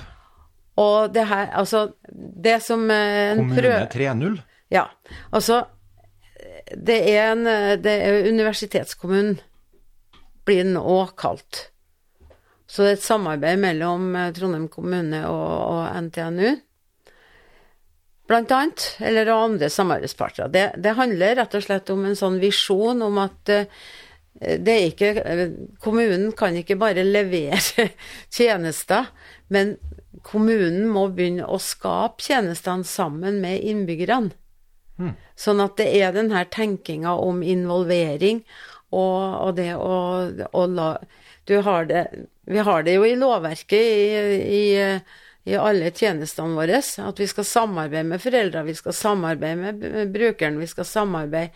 Altså, vi skal lage det, men her går altså en litt enda mer ut, lenger ut, kan du si, og si at det er innbyggerne vi skal uh, samarbeide med, og da kommer vi også inn, uh, inn på det her med hvor åpne er vi, og hvor, hva er det vi lar, lar folk få bidra til? Så det her prosjektet med seminarplassen er kobla opp mot Kommune 3.0? Ja, Vi kobler mot det. Dere kobler mot det for å gjøre det med, populært? med å, for å gjøre oss populær. Ja, bra. Men for å vise, ikke bare populær, men for å vise at det går an å snakke med folk. For å vise relevans òg, da. Og da har vi snakka med eh, over 60 lag og foreninger. Hæ? og enkeltpersoner. Eller altså, når vi teller sammen alt det her, så har vi hatt Og det er midt i koronatida. Dere har prata med 60 forskjellige i koronatida? Mm, det har vi. På Skype, da, eller? Noe på, noe på, på digitalt, og, men mest eh, fysisk. Men hvorfor? For å høre For å møte folk. Eller vi har For å høre hva de mener. Så det vi har i- om seminarplassen? om seminarplassen. Hva skal vi fylle med? Ah, Hva vil dere at vi Hva skal vi bruke det her til? For alternativet, Øystein det må være å rive, tenker jeg. Du kunne ha bygd boliger der. Ja, det, Høyhus. det går an. Leiligheter. Det- det- Vi trenger leiligheter. Mm, Ja. Men nei, alternativet til, eh, til en sånn arbeidsmetode er jo å kanskje, da, eh, å si at det er noen, noen, må jeg bare si da, i Trondheim som definerer et behov i Klæbu. Eh, og så lager man det, og så blir det jo eh, mest sannsynlig ingen suksess. Fordi at de vet jo ikke De i Trondheim, eller det, Nå sier jeg de i Trondheim. Det kunne vært de på Stortinget i Oslo Ja. også. Det kunne, det kunne vært noen andre som er langt unna uh, de, de har ikke skoen på. De vet ikke hvor skoen trykker, de vet ikke hva behovet er, men de definerer at dere trenger den. Alternativet er å kalle inn Møyfrid og Ivar og uh, Kjersti Utne, som var uh, kultursjef i Klæbu tidligere. Eh, andre du sa, var uh, Det var Byantikvaren. By, byantikvar, ja. By. ja. Hun vil vel ta vare på alt mulig rart, og ikke Vil hun ha et levende bygg, hun da? Tør hun å gjøre noen endringer? Antikvar, det er, det er farlig. Høres farlig ut. Men vi må ha noen som viser litt vei, for det her er et nasjonalt monument. For det, alle de andre seminarene er borte. Ah, det er et poeng. Det, er, det, er det er eneste et- som står igjen. Det er det eneste som står igjen med så mange hus. Det står vel igjen ett hus eller et rom eller noe sånt på andre plasser, men det her står da med sju intakte hus. Og så derfor så er det jo et eh, nasjonalt og regionalt og lokalt eh, minnesmerke. Eller identitetsskaping. Men det som vi er ute etter, det er jo å få aksept for at vi skal fylle det med. Eller at Ja, hva skal du fylle det med for å vise Ja, For å altså vi må fylle verdien, da? Vi må fylle det med aktivitet. Må lage ny verdi òg? For det første så er jo eh, seminar, altså det, det rødbygget, eller eh, hovedbygget, eller guttebygget, som det også ble kalt, eh, det er jo Det har jo vært fylt med kunst. Det skal sies og at det har vært aktivitet, aktiv utstilling Det hvert eneste år. Ja. Og, det, det har, og grunnen til at det er såpass som det er, det er nå at vi har de kunstnerne som vi har hatt i Vi har hatt 20 eh, kunstnere har bodd der, og de fleste, hvis ikke alle av dem, er nå enten en annen plass og selger kunsten sin, og, og ei av dem som laga krukka oppe her, hun har fått eh, fem års stipend. Ja. Eller kunstnerlønn, kanskje det heter. Eller jeg er ikke helt sikker på hva det heter, men hun har iallfall eh, en statlig anerkjennelse. Ja, det, er- det, det jo Og så har fantastisk vi, gjeng. har vi Ja. Sånn at dem har på en måte holdt, holdt det her eh, liv i, Levende. i, eh, i, De har gjort mye. i hovedbygget. Ja. Når det gjelder seminarplassen, så er det jo Pensjonistforeninga og bygda sitt behov for selskapslokale, sang og musikk og Ja. Jeg, har- jeg har vært her flest ganger hvor det har blitt servert eh, drikke som gjør at det blir god stemning. Ja. Eh, så det, det er stort sett eh, den tida jeg har brukt Ja. på å være der. Ja. Og så brukes det jo hver dag til dans og sang og sang og Så du hver dag? Ja. Jeg tror Ja. vi kan si, bortsett fra helgen, da, som er utleid eh, Ja, oh, ja, ja fordi at Ja, eh, på dag- øvingslokale for- øvingslokale for sang og musikk. Hva sier, Er det for tidlig å spørre om hva disse 60 organisasjonene sier om hva de ønsker? Er det noen gode ideer?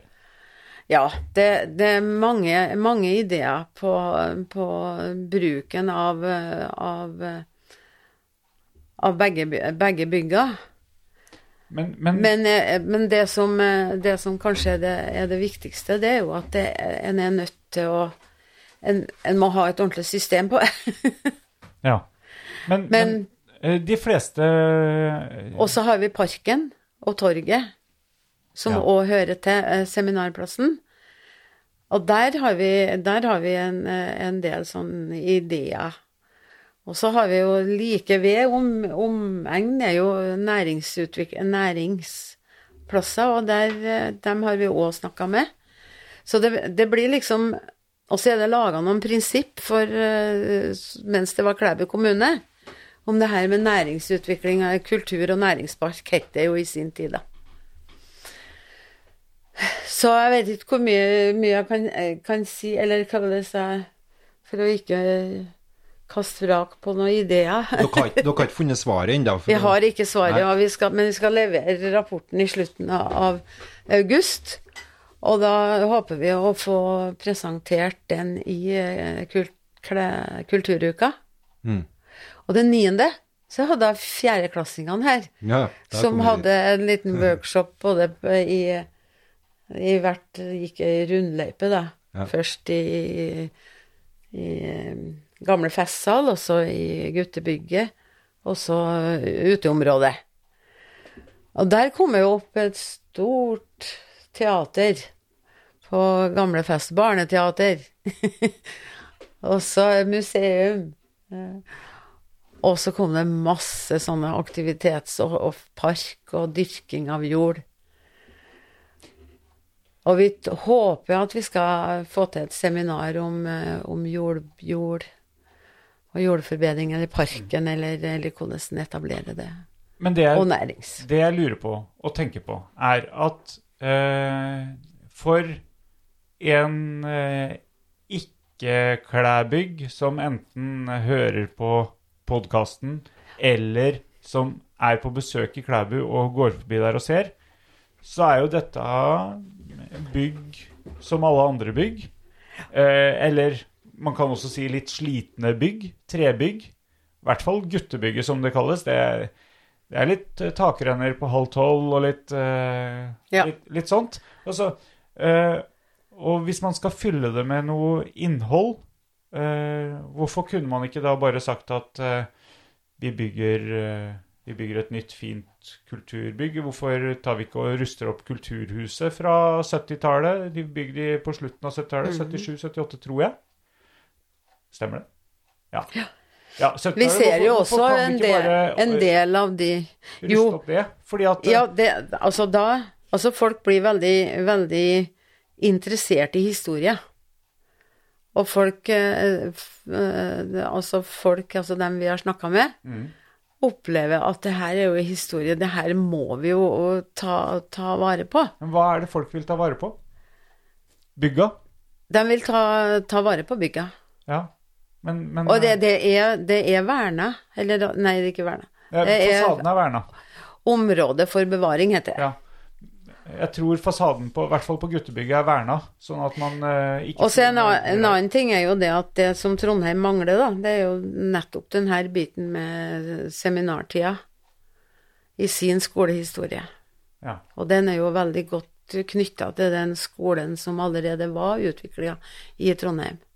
Og så har jo de i neste omgang hatt Men de mangler jo den her den første lærerskolen. Ja. Eller vi i, sånn, Nei, altså Nei, og, og, og jeg må bare si at uh, jeg var jo med på det å behandle det her som politiker, og kom som sagt med et forslag som skulle sparke ballen videre. Men jeg må jo si at jeg er veldig spent på hva det blir, fordi at eh, skal man ta vare på noe, eh, noe gammelt, om det er altså, om det er natur, eller om det er kulturlandskap, eller om det er bygninger, eller historie, så tenker jeg at det må være noe som er i bruk. Bare det at du stiller sånne spørsmål, det tenker jeg viser at du eh, mangler dannelse på Takk skal du ha. Jeg, jeg tenker på gamle bestemora mi, som dessverre gikk bort så altfor tidlig i fjor. 95 år gammel. Når vi kjørte forbi det godeste Geitbåtmuseet inn i Valsøybotn. Geitbåtmuseet. Jepp. Som de hadde brukt en god del millioner på å re rehabilitere og fikse og ordne. Kjørte vi forbi det, og, og hun sa For det dreier seg om identitet. Hva, hva syns du om dette her, da, besta? spurte jeg. Bare skit og lort. Kjør videre! så, så det, så det, Nei, var, altså, det var en streng som- dom. Hva er det som er Nei, altså det som er Det har jo med identitet å gjøre, men samtidig det er, det jo, det er jo ikke noe vits i de bygningene hvis vi ikke klarer å fylle dem med noe som vi har, trenger i dag. Og det vi trenger i dag, er jo eh, arenaer der vi kan utøve denne frivilligheten. Der en kan ha rom for lag og organisasjoner. Der bedrifter kan, eh, kan komme inn og, og ha muligheter. For det er jo det, som, eh, som var fram til for en Det er to ganske tolv- store hus, det her, da. år siden. Bare for frivilligheten, altså. Ja, altså det er ikke noe problem å fylle det. Du tenker det? Nei, for i dag er, jo, eh, er det jo Altså, gamle festsal er jo full. Ja. Det, du I hvert fall i helga. Du kan, eh, du, du kan, eh, du kan trekke inn enda mer. ja. Eh, Klæbu leier nå i forbindelse med konfirmasjon, så leier, leies det selskapslokaler på, på, i Trondheim eller på Heimdal eller, eller i, i omegn. Sånn at det, det er ikke noe problem å, å, å finne eller få eh, folk som kan bruke det. Nei. Men samtidig så tenker vi at det må jo Altså, den ligger jo litt gjemt. For, for folk i, som kommer til Klæbu, pl- klager litt over at de finner ikke sentrum. Og kjører gjerne forbi Kulturhuset uten å oppdage at det var Kulturhuset. Det er jo den parkeringsplassen så- som er sentrum. Den utafor Coop-en Ja, det sa jo Lunde med òg. Og så Nei, så- sånn, sånn at eh, det må jo gjøre oss altså, attraktiv på, på noe vis. Attraktivt for hvem? Innbyggerne i Klæbu. Ja, men hvordan innbyggere? Gamle menn som går og snuser Nei, på nei, nei, gamle nei, ting, eller for Unger. unger? Unger, eller alle befolkninger. Det må være Kafé har vi f.eks. fått Ah, eh, ja, for beskjed det om vi. at det trengs. Vi trenger lekeplasser, vi trenger, trenger sånne, sånne store, utfordrende eh, lekepark. Ja. Ikke lekepark, men hva heter det? Klatrepark. Ja, ja, ja. Alt mulig, alt mulig sånt som kan aktivisere. Hmm. Og så tenker jo vi at gjennom parken kanskje en kan etablere noe som ligner på den store, fine parken som var en gang, og som også de som jobba på Halseteimen, eh, tok vare på. Og, og husker som arbeidstakere, ja. som, eh, som noe veldig vakkert og fint. Grønnsakshage det er jo noe som har vært. Men du snakker om bygningene. Hvis vi ikke får, får aksept for at bygningene Noen bevilger noe, eller skaffer noe penger til å, å pusse opp dem utvendig, minst, Og innvendig, vil jeg si. ja, innvendig også, fordi at nå har vi varmeanlegg som står der, og som eh, pøser av varme dit, men det fins ikke radiatorer som, eh, som er moderne nok til å utnytte den varmen. Altså, det, det, er, det er en gedigen sak, og det er, det, det er ikke noe frivillig lag og organisasjoner som kan bore en sånn. Så derfor så tenker vi at det er nå blir det laga en ny tilstandsrapport eh, på bygningene. For det er andre antagelig ikke de som har vært, iallfall på det ene, har vært eh, kanskje ikke god nok. Så, så det springende punktet er jo om, eh, om vi klarer å få restituert dem. Det som er litt håp, det er jo at både treet i vinduer og i panelet er altså god kvalitet at, det- at det lønner seg å ta vare på det. Mm. Ifølge de ekspertene av kunstnerne som kan det med tre, da. Ja. Så ja, for bygget står sånn som ja. det gjorde når det ble det- oppført. hva? Bygget står sånn som det gjorde når det ble oppført. Nei. Nei. Det ble eh, ombygd til Halsetemmen skulle eh, ta, ta det i bruk, eller altså Klæbu pleiehjem, fordi at da var det Fram til da var det inngang på Inngang på midten. Så det er noen flere podkaster her, egentlig. Så Og så tar jeg tar en ting til, Ok, og det er jo den blindeskolen. mm, Det er vel den, dem som har skrevet mest positivt om, om, om oppholdet her, da. Den varer i 20 år. Og en av Trondheims store, en Oskar Skau, som starta musikkskolen i Trondheim, og som var kantor ved, ved Vår Frue kirke, han gikk her. Og han starta også Norges Blindeforbund på en søndagstur sammen med kamerater fra Trondheim og hit, for å takke lærerne her ja. for den fine tida de har hatt her. Gikk. De gikk. Gikk, ja. Fra Trondheim og hit. Ja. Han fikk utdanning som, eh, som skomaker. Det har jeg òg gjort. Det for fordi at jeg glemt nattbussen. Eller glemt og glemt. Mista Jeg trodde det var skomaker, du. Du gikk. Ja, gikk, ja.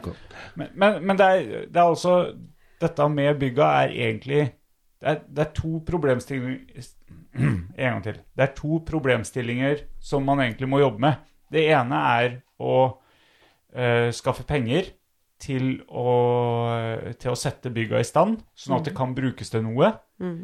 Og den andre pro problemstillinga, det var vanskelig ord, det der, eh, er å få fylt det med meningsfull full aktivitet for bygda, sånn at, man, eh, sånn at bygda blir tatt vare på videre, og som betyr noe for bygda videre. Som gjør at de eh, kommer og har lyst til å være i aktivitet der. Ja. Ja, Er det riktig Ja. forstått? Veldig Riktig. godt oppsummert. Takk. Ja, Mm. ja det er faktisk det. Men har du trua på det? Ja, jeg tror på det helt det motsatte bevisst. Jeg på å si, Hva er alternativet? Jeg vet jo hva vi diskuterte All... som alternativ. Det var jo å selge det, og at noen kunne bygge leiligheter. Ja. Og det, det betyr at eh, da, da blir det parkeringsplasser, og da blir det Men det er noen eh, områder der eh, i tilknytning her som det også ligger, ligger en del sånn, sånn tenkte boliger på, da. Som det er tegna inn litt, litt av hvert, eller litt forskjellig, som eh, boligutbyggere nå. For noen av de husene som var tilknytta både pleiehjemmet og seminaret, er det i priva de er i private De er i nå, som boliger. Sånn at det er to eiere på, på, på seminarbygga, og det er Trondheim kommune, eller kommunen, og, også er det private Ja. som eier dem. Ja, og det at eh, noen av bygga er i privat eie, er jo for så vidt ikke noen utfordring, fordi at de, de eh, Og det er jo egentlig er jo de de som er tatt vare på best, kanskje. Ja, ja. Eh, de, eh, Det det. de bygga som er i privat eie. Ja. Kommunen har vel ikke så stor ære i å, å ta vare på bygga sine, for å si det sånn. Nei. Så det er mange innfallsvinkler her, da. Det er mye Men, eh, historie på den plassen her. Men eh, Det seminarplass Altså, det gamle Festsal ble jo veldig godt mottatt i 2000, da. Eller mottatt, eller tatt vare på i 2000, da det ble, eh, tusenårsstedet. Ja, for da- alle, alle kommuner skulle uh, finne et sted som Ja. de kalte tusenårsstedet. Ja. Et sted som bevi- oh. betyr mye for Er det det? Ja. For det har ikke skjønt nå, hva tusenårsstedet er for. Ja, det var i to, to, år 2000, så gikk vi fra et tusenår til et annet tusenår. Ja. Og, da, og da, da ble det jo en eh, Ole Lettingvold, han testamenterte jo, eller ga Nå smeller det i fyrverkeri utafor. Ja, se der borte. Det syns jeg er litt rart. Er det nyttårsaften i dag?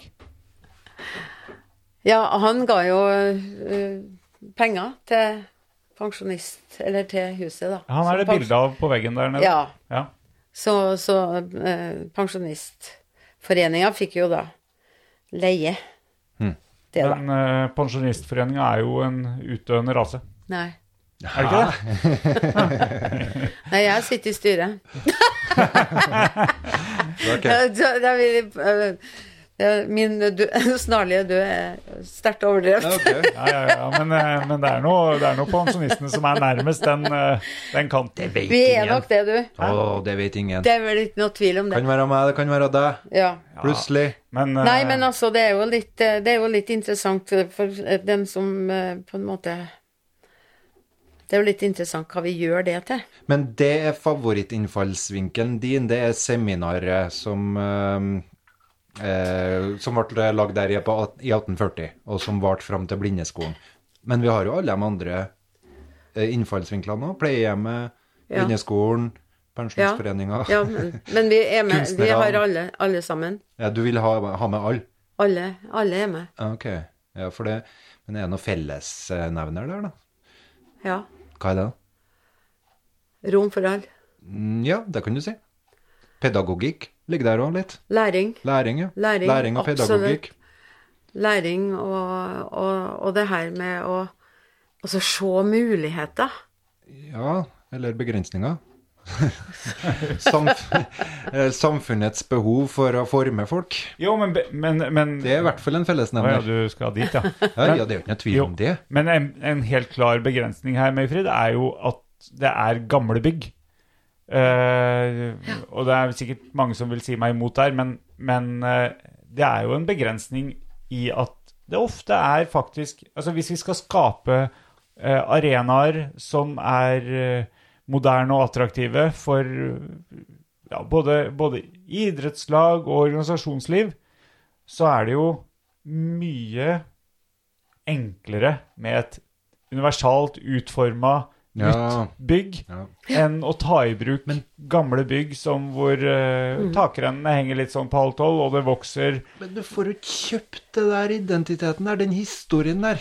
Nei, men det er jo Jo, Husker du ikke vi altså, snakka om det når du gikk opp på den der fjellknausen? At du hadde en liten dam her, ble en bonus alltid å bade, ikke sant? Det er noe med det her at plasser får verdi for oss av historien de bærer på for Ja. oss. Men jeg tror vi må Ikke men, da. Og Vi må og, Og ikke det vi Jo, jo, strever med å huske ja. på. Og vi, vi trenger å gjøre det mer kjent. Ja, det kan jeg. absolutt. Ja, vi prøver Og å vi, bidra i dag, og vi trenger eh, Men, eh, men jeg. Og Og Å, nå, nå. Ja, du jeg skal Du rekker opp hånda Jeg igjen. re- rekker opp hånda, jeg. på- Det er lærerautoriteten din. Han Ja, det er sikkert det. Ja. Men, men øh, Og eh, Det har jo ikke bare skjedd gode ting bortpå borte i bygga her heller. Og nå skal vi ikke dra så, dra så mye der, men altså, jeg tenker jo at eh, det, det har vært noe makt, og det har vært litt forskjellig. Og i disse tider Jeg er jo eh, speider, eh, alltid beredt. Ja. Eh, og nå skal de drive og rive ned statuen av eh, lord Baden-Powell, som er speiderbevegelsens eh, grunnlegger. De skal jo ta Churchill, skal ned fra sokkel. Skal de ta han lord Baden? Ja, de skal ta han, ja. Hvorfor det? Nei, han eh, Rasist han òg? Ja, han var rasist. Eh, han hadde visst noe, noe svinn på skogen der. Snart kommer de og tar deg med, Fryd. Rasist du òg, vet du. Ja, jeg har sikkert noe Det er sikkert en elev som kan fortelle at jeg òg har vært helt eh, to, umulig. Alle er rasister her i Norge, hørte jeg her ble argumentert for. Men la nå meg få fullføre. Ja, ok, sorry. Ja. Jeg skulle bare prøve å jage ut rasisten. Ja, men, men, eh, men eh, det er sikkert en del historie, eh, i hvert fall med Halseteimen. eller pleiehjemmet, eller hva dere, dere bruker litt forskjellige uttrykk her. Jeg, Halsetimen bruker jeg.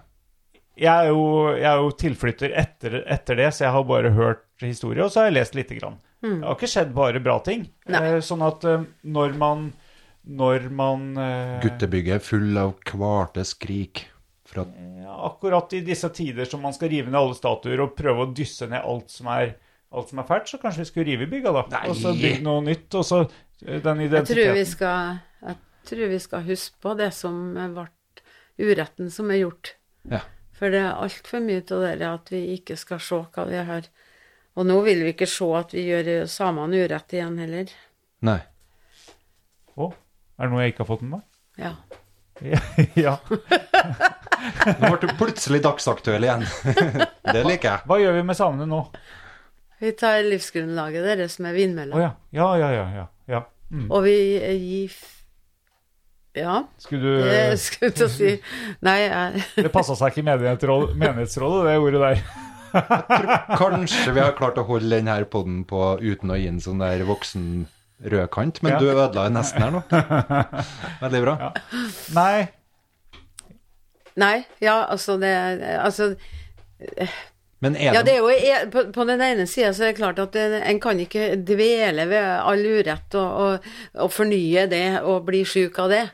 Men samtidig så skal du ikke, ikke glemme det som, det som er gjort av urett, men som ikke alltid Altså, det var sånn en tenkte den gangen. Det var sånn det Og folk syns det var greit. Jeg tenker på, på han eh, ba, syns folk, hva, Jo, hva dem, synes dem, dem som satt med makt, De syns det var greit. syns det var greit. Og vi syns jo det er greit. Og hvis vi tar religion, da, så har vi jo eh, Les- Lestadius, som kom og befridde samene fra alkoholen. Ja. Det, det Og- kjenner jeg ikke til i det hele Og, tatt. men, og, eh, ja. preste, eh, og lensmann, presteskapet Eller, ja, det jeg vet ikke hva presteskapet er, men det var noen maktpersonene eh, i bygda som, eh, som da holdt arbeiderne eh, med brennevin. Mm. For at de skulle kunne Hei, Ja. det var pressen sin. Jeg vet ikke om det var pressen, men det var noe. La oss skjære det her over med en litt grov kam. Ja. Ja. Det er Men- greit. Det, men det Men poenget er at så klart folk syns det var greit. Vi er jo barn, Pål. Vi starter livet vårt med å være utrygge, og så hører vi på mor og far, og så vet vi hva som er rett og galt, fordi mor og far sier at det er rett og galt, og så blir vi voksen, og så tar vi aldri ansvar og finner ut hva som er rett og galt. Vi bare hører på en ny kar. En konge, en gud, eller et eller annet. Ikke sant? Så om rasehygiene høres forferdelig ut nå, så kan ikke vi fjerne det faktum at det var veldig mange som syntes det hørtes fornuftig ut, det, på 30-tallet. Men det er jo det man Som, prøver. som bioteknologiloven. Altså, hvis, man, hvis, man, hvis man tar vekk alle som har snakka om eh, rasehygiene, da, og de skal vi ikke snakke om det er mer historiehygiene. Det er Ja. like vondt, nesten. Ja, jeg syns ikke vi skal beholde alle statuer av Hitler og Stalin og sånn der, men vi kan ikke fjerne det faktumet av at vi er dumme, Men- dumme mennesker som, som men vi kan, kan- lære av historien. Men vi kan vel sette en statue av Hitler på museum? Ja. Det kan vi. Ja. Jeg syns heller ikke vi skal ha den på Trondheim Torg, og der står det jo en annen kar som Nei. jeg har hørt at folk har fjernet. Ja, sette sett opp torgkone. torgkona. Hæ? Sett opp torgkona. de- Har men et hun forslag her. Men tror ja. ikke du Torgkona har noe svin på skogen nå? Jeg er litt usikker på Alle har svin på skogen. Tror hun alltid har betalt skatt og tatt uh... Halseteimen, det er sikkert et sår i sjela på historien, eh, men det er òg mye positivt. Veldig mye positivt. Mye omsorg. Veldig mye omsorg å ta seg av de Altså- svake. Vernepleierskolen ble starta her. Ja, det var vernepleierskole enn det Klæbu hadde. Helt fantastisk. Utrolig at vi har hatt blindeskole, vernepleierskole, lærerskole. Og det artigste med det, Eller artigste, vet jeg ikke, men det, det som var fint, det var jo at de starta en hjelpevernepleierskole for dem med realkompetanse. Ja. Sånn, ja. hjelpevernepleierskole. Ja. Du vet, det er litt at det er hjelpepleier, Ja. som du har sykepleier, og så Ja, ja, er det hjelpepleier. Så, og så ble det starta òg hjelpe med utgangspunkt i dem som Ja, hadde for- lang ansiennitet. ja, for å gi dem de litt påfyll. Ja, og så gi dem et Litt, dokument ja, på at du har formell kompetanse. formell kompetanse. Profesjonsstolthet, kan du si. da. Mm. Og dermed utføre et bedre virke. Det var jo et fagmiljø oppe her som var helt fantastisk, men det blir en annen pod. Det det er veldig mye i den poden her som kunne vært en annen pod. ja, ja, ja. Jeg Men- å Ja, men jeg syns poenget jeg, jeg tenker at kjære Vi har, vi har bunnpris, og vi har priks, og vi har uh, bensinstasjon. Vi, vi må jo jaggu meg klare å ta vare på denne plassen her og finne en eller annen måte å gi den verdi på. Det tenker jeg, Pål. Dere Ja, klarte det- ikke det. Dere politikerne, dere sendte det videre. Ja, og det er kommune 3-0. Det er kommune Trøndelag. Gi det til folket. Mm. Jeg Den kontra er fint. Ja, det var bra. bra. Ja. Bra. Jeg jeg er jo en elitist, som du vet, så jeg stoler jo på Mayfrid her. Mayfrid og Fiffen. Finn ut av det. Du, du kikka på eh, brettet ditt. Var det noe, er det noen uh, temaer du har gått glipp av? Du nei, skjønner, du skjønner Møyfrid, og, og lytterne for øvrig. Uh, Øystein lar det gå utover meg. Etter at vi er ferdig med podkaster, når han ikke har fått tatt opp de temaene som han tenkte at han skulle ha. Og da blir det, da blir det bråk. Ja, men- Og da må, da må Øystein jobbe med følelsene sine. Så Øystein, kikk på brettet ditt en gang til, sånn at vi i hvert fall Vi har holdt Ja, på men en stund sitter Jeg her og tenker at det var jeg som tok feil. At du som Har tok du feil? tatt feil? Nei, jeg som snakka om det som vi ikke skulle snakke om. Nei. Nei, det tror jeg vi inviterte deg for å gjøre. Jeg gjorde i hvert fall det. Det står faktisk øverst på hele notatlista mi her. Skal du høre den? Eh, p- Nesten øverst, da. Nei, det var den, det var den første uh, lista. Ja, altså at vi inviterte ikke deg av å fortelle om dette her. Jeg sa jo det i starten. Vi inviterte deg fordi at du har sånn entusiasme for ting. Og det, jeg, jeg blir bare Jeg blir matt når jeg hører på. Jeg er ikke matt. Jeg blir så glad at jeg får lyst til å hoppe opp av stolen og springe rundt. Jeg tenker vi kunne egentlig bare plassert deg på guttebygget her, så kunne folk bare fått prata og hørt på deg. Men, det har jeg tenkt på. Jeg har faktisk tenkt på at jeg skal sette meg til der. Ja. Jo, fordi at jeg har, jeg har litt tro på, det- tro på det her med at eh, vi må bygge relasjoner. Sånn at folk tør å se hvordan, det, hvordan de vil ha det. Eller hva som er viktig for dem. Ja, Så du tenkte at du kunne sitte der borte sånn at folk kunne komme og, Og med ideer? Bare ja, kom og snakk med meg, eller, eller Kom hit, jeg vil Hva- snakke hva- med deg, jeg vil høre med deg. For eksempel, jeg tenker, ja, det er som jeg sa, dere med det gode liv. Eller altså det her at du skal ha det bra. Og så hva er det? Vi vet at det er sånn eh, alt mulig. Men da tenker jeg at folk har eh, kapabiliteter til å få til hva som helst. De er kapable til hva som helst. Men noen må tro på dem, eller de må kjenne at de, de er noe eh, Ja, de må bli hørt, eller Ja, sett, ja. eller Eller, ja. Ja, her, Og er- så her er tenker jeg et at- notat på det, faktisk. Jeg syns det er viktig å fokusere på det som er tungt og vanskelig og ikke bra òg. Og ikke bare se oss blind på at alt skal være bra. Nei. Og så, Jeg skal ta et eksempel. Mm. En som jobber sånn, hun heter Hillary Cottam. Hillary Cottam var engelsk. Og hun har eh, Søk jo- på YouTube. Det er et Ja, der. eh, kjempe. Og hun, hun, hun Cottam? forteller Cottam, tror jeg. Ja. Radikal hjelp heter Ja boka hennes. Den er skrevet på dansk. Og så, eh, så jeg, eh, forteller jeg da Mm. at hun, hun ble eh, opparbeidet en relasjon til ei dame som ikke hadde jobb. Mm. Ungene hennes var utvist fra skolen. Alt var bare kaos. Det var, de hadde ikke Ja. Okay. Og så blir jeg kjent med henne, og, og bruker forholdsvis lang tid på å bli, få den tilliten, da. Og så kommer da dagen da hun dama her spør om hjelp. Eller spør om noe, da. Hun sier at jeg skulle ha hatt hjelp til å få festa den her skapdøra. Der starta det. ok. Etter ti måneder så var jeg i jobb, og ungene var i, på skolen igjen. Altså, du, det en Får jeg sånn- fylle på med at eh, For mitt minne Jeg har sett, eh, det, sett ett klipp av det, Mm. eh, og fylle på med at For hun hadde fått ganske mye Det var ganske mange som hadde kommet for å hjelpe henne.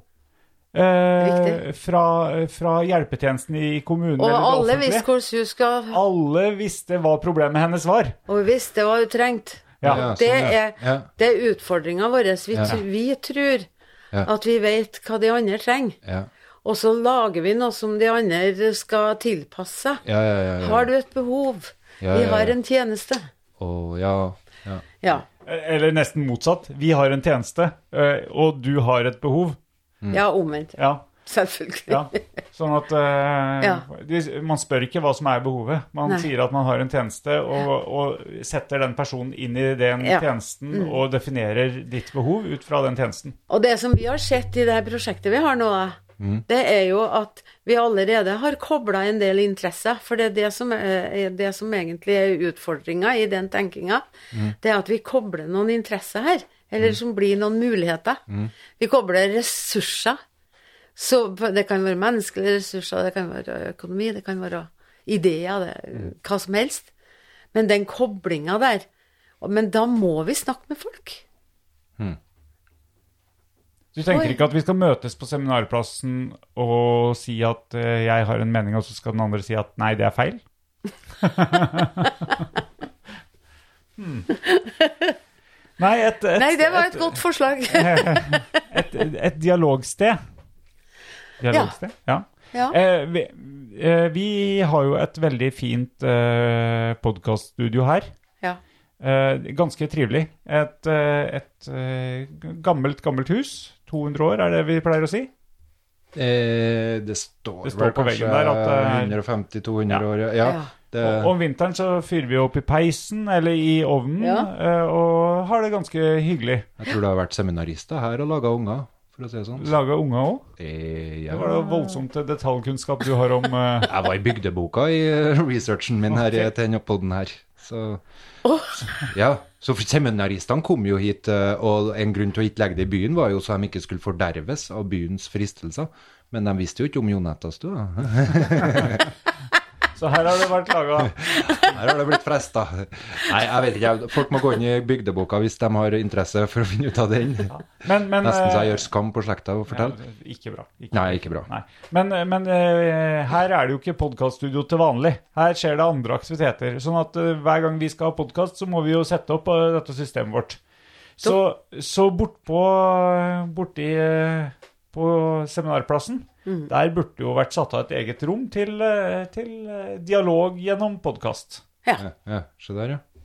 Så der fikk jeg solgt inn den. ja. Veldig bra. Ikke det at vi vil flytte Ja. herfra, men Veldig. eh, vi vil ha et sted Ja. som vi kan ha Men det er ikke internett der. Nei. Det vanskelig å oppdaga jeg i dag. Men det er lagt, eh, lagt fram til huset. Jeg vet akkurat hvor det er internett der. Vi, vi hadde tenkt å starte e-sport uh, der, vet du, Ja. i uh, guttebygget. Eh, men det ble jo ikke det der. Eh, og Telenor var veldig uvillig til å få internett de 20 siste meterne fra den boksen som står ved veien og inn til bygget. Men jeg er sikker på at uh, Ja, det må nå være det litt- minste, da. Ja, ja, ja. ja. Nei, Jeg vet ikke hvor lang tid Nei, hvor mye Ja. Men nei, for vi snakker jo Det er jo et behov for, for frivillige lag og organisasjonene å ha et møterom som en kan dele på, og lagerplass eller eh, skap for det som er. Og da må en jo ha utstyr Ja. også. ja. Ja. Nei, så det, det oppdaga jeg i dag, for vi har innbilt oss at det var lagt inn. Ja, dere har det, ja. Og det er ja. Ja, nei, Jeg har vært her på omvisning med tanke på å lage enda en skole der. Men vi fant ut at det ikke var internett, og det ville ha blitt dyrt. Det var, skole det? det var voksenopplæringa som Ja, eh, trengte eh, plass. Vi trengte plass til å ha ordentlig skole. Ja. Følte oss egentlig litt som han Darre, tror jeg. Ja. Det Kasta et oppdrag på oss og prøvde å utføre det før det var lagt til rette. Øystein, hvorfor kunne ikke du spytte inn en 300 000 kroner for å få ordna noe, da? Jeg var ikke presten i bygda. Ah. Jeg skulle ha vært det først. Nei, jeg har en Dewey her. Ja, det der med at vi skal ikke bare fokusere på det som er positivt. Har du hatt det bare bra i livet ditt? Er bare en ren opptur, hele Møyfrid fra Nei, nei, nei. A til Nei? Nei da. Det har det ikke vært, nei. Nei. Er det Et ja-nei-spørsmål der, altså. Nei, ja, men det holder egentlig, det. For det uh, verste jeg får, er jo uh, svaret ja. Jeg syns det blir feil å se på eh, det som er negativt. Du må evne å se på Ja, for det er kjedelig for meg. Jeg tror at det er altfor mye fokus på det her uh, Altfor lite fokus på det her negative, for at det finnes enkle metoder, enkle Det finnes det finnes dumme Apper? metoder. Apper, ja. Det finnes dumme metoder for å gjøre noe med det. Det finnes gode metoder å gjøre noe med det. Hvis vi bare holder kjeft omkring det å Det å bli en uh, idiot i en uh, sosial sammenheng, f.eks. Det, det Ja, så, så vil du ikke komme deg videre og utvikle deg heller. Nå gjør ikke jeg noe jeg, Det kommer ikke noe mening ut av meg nå. Eh, men jeg tror det er mye Jeg vet hva du snakker om. jeg tror det er mye fantastiske folk ute der som har veldig mye ressurser i seg, men som vi ikke klarer å se fordi at vi bare ser det negative i dem. Det er egentlig pointet mitt Ja. med det. Og så tror vi at dem som aldri viser følelser, har det bare bra. Mm. Det har de ikke. Nei. Nei. Og så har vi en kultur nå som bejubler egentlig den her egoisten, den her som bare er enspora, som står opp klokka fire om natta og jobber, jobber, jobber, jobber, jobber, for jeg gir 110 hele tida. Men så når han møter veggen, da, så er det vel ikke så lett for han. Tenker jeg. Sånn var han Darre litt, han som starta det her seminaret. Han holdt det gående. Ja, han gikk på, han møtte veggen da han var 45. Det gikk ikke bra, vet du. Nei. Han ikke sto på for mye. Sto på litt for mye. Så Dewey, John? gode gamle. Jaha. Eh, jeg måtte innom det skolen som eh, egentlig ikke bare en kunnskapsformidler, men som et, en institusjon som skal skape demokratiske individer. For å vaksinere oss mot uh, nye nazister og stalinister og sånt tull. Kanskje litt sent å begynne med den nå. Det er det, vet du. Jeg, jeg angrer litt på at jeg bare ta opp paden. Men, men, Men det, men det er sånne ting vi kan ta inn i Ja. det her stedet. Men det, men det her er vaksine mot at jeg får skyllebøtta etterpå for at ikke du fikk alle Ja, temaene dine. det slår meg at det her, den her plassen må jo ta tak i pedagogikk og altså det demokratiskapende Plassen kan ikke gjøre det, Øystein. Det er folka. Vi må fylle Først må vi oppgradere bygga, og så må vi fylle bygga med de folka som skal gjøre det. Plassen jeg tror ikke faktisk vi kan begynne med, med folka litt allerede. Og, og bruke det sånn som det er. Og bare, bare vise at, at det her er liv laga. Ja, men det tror jeg er lurt, fordi Ja. at eh, hvis man, Så hvis man jeg har eh, en idé om at vi skal få til noen arbeidsgrupper òg, eller få engasjert folk som, som får dem til å melde seg, og si at det vil vi prøve vi med. Jeg tenker bare en sånn enkel ting som å ta med seg en barnefamilie oppå der en eh, fin dag, Mm. og finne ut hva man kan eh, holde på med der, for eksempel. Jeg har et eksempel på Ja. at uh, man kan fylle noe med noe og skape et behov, og det tror jeg er lurt å gjøre der også. Mm. Uh, Å fylle plassen med folk som og skape et behov for at man, eh, man må utvikle bygga og, og oppgradere de. Eh, Vi har jo et annet Klæbu-eksempel. Du var rastløs nå, Øystein. Nei, det er. Brennesland. Å ja. Er du brent ennå, ja? Ja, det fordi at du har knitrer i dem. Oi, oi, oi. For en. Du kan ikke, du kan ikke plukke Det gikk veldig fint å høste bladene. Da brente ikke jeg meg, men Og så fant jeg ut at etterpå så skulle jeg rive opp og røske opp, sånn at det kommer opp nye friske, for det er dem som er best å bruke i matlaginga. Da ble det litt vanskelig. Nei, Vi har jo et annet sted i Klæbu, altså øh, ved siden av Kulturhuset, som nå lenge var lå eh, der man skulle bygge en skole, og så ble det ikke skole. Mm. Og så den parken der, ja. Og så, det, så var det bare en haug med jord lenge, for det var forbelasta, som det heter. Nå skulle du sjekke om eh, tomta tålte vekta av et skolebygg, og så ble det ikke noe skolebygg. Eh, og så vedtok politikerne at vi bygger en midlertidig park. Den het midlertidig, og så var baktanken litt da sånn at ja, nå skaper vi et eh, Nå blir det et behov der. Den Ingen- parken var jeg med og lagde. Dugnad. ingen kommer til å bygge et bygg der, eller bygge igjen den sentrumsdelen, hvis det er en park som folk er glad i. Og så ble det nå en park, en midlertidig park, og nå har det blitt en skatepark. Og nå oppgraderer man parken, nå er det ikke midlertidig lenger. Nå kommer det til å bli et, eh, et eh, attraktivt uterom i Klæbu. Det er jeg sikker på i mange, mange, mange år. Helt klart. Og sånn kan man kanskje gjøre med Ja, sånn tenker jeg. Bare Ja, for så vidt både inne og ute. Ja, både inn og ut. Spennende. Og så håper vi jo, eh, håper vi jo ut ifra den pedagogiske tenkinga da, og demokratitenkinga, at, eh, at Trondheim kommune på et eller annet vis kjenner at de skulle hatt et rom. eller en aktivitet, eller noe som kanskje kunne kunne finne sin plass her. Men kommunen er jo, kommunen er jo oss. Ja, den er oss. Men Ja. no, noen ganger så kan det være godt å få, få noe, noe tilknytning fra rådhuset, da. Jo, jo, du tenker at det kan være en offentlig tjeneste En der offentlig tjeneste, eller som holder til der? ja, eller, ja, eller noe som, eh, som ut, utvikler seg der, eller Ja. Nei, jeg tenker i Tenker muligheter. Ja, ja nei, jeg, jeg er egentlig ikke så veldig god på å komme på hva det skulle være når, når det kommer sånne ting. Jeg Tenker litt på undervisning. Ja. Altså det, det, det er stadig vekk behov for sånne lommer der, der eh, folk kan prøve ut ting, eller der en kan Ja, litt seminartenking, da. Mm. Og, og der nede i fred og ro, da.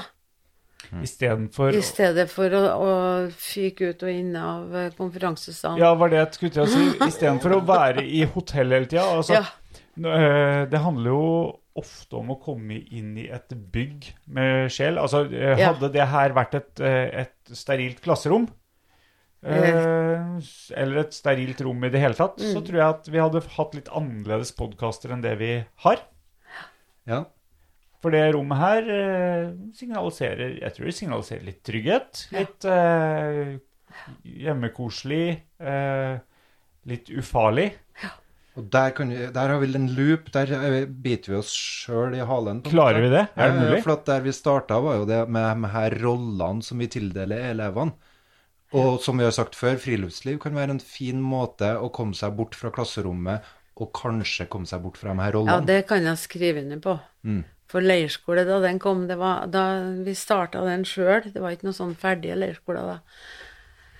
Og det, det er fantastisk å se, se det her eh, rolleskiftet Mm. fra klasserommet til, til natur. natur. Og, og til spisesal i stedet for matpakke. Det var bare fantastisk. Ble snudd helt opp ned på hierarkiet. Jeg tror det er en sånn lomme som de kanskje trenger Ja. noen gang, ungene òg. Og Bare voksne. Altså ikke bare voksne som skal på seminar, men det her kan Nei. jo fungere som ei lomme for unger å komme seg ut Ja, og gjøre jeg prosjekt tenker jo, og, tenker jo det. og møte eh, andre voksne i tillegg. At eh, Ja, det, det, det er bare fantastisk. I hele tatt natur. Så han som har skrevet jordboka 1 og jordboka 2, vi regner med at vi skal få han til seminar her i Mm. Kulturuka. Jordboka 1 og Jordboka 2. Er det en uh, podkastgjest? Hvis den handler om Ja. jord, så vet ikke Den jeg. handler om jord. Bare jord. Moll. Moll. Den handler om livet under meitemarken. Da må vi nesten ta Mosemannen først, tror jeg. Sa jeg for mye nå? Nei eh, Jo, han må dere nå Ja, ja, ja, ja, absolutt. Vi har den på lista. Vi har bare ikke Han har vært på lista siden starten. Så ja, Kjell Nei, men altså, det er, Ja. det er, det er faktisk den her med å, å ta vare på jorda. Fordi at eh, Altså, det er livet under jorda. Under det vi står på. Mm. For det holder på å forvitre òg.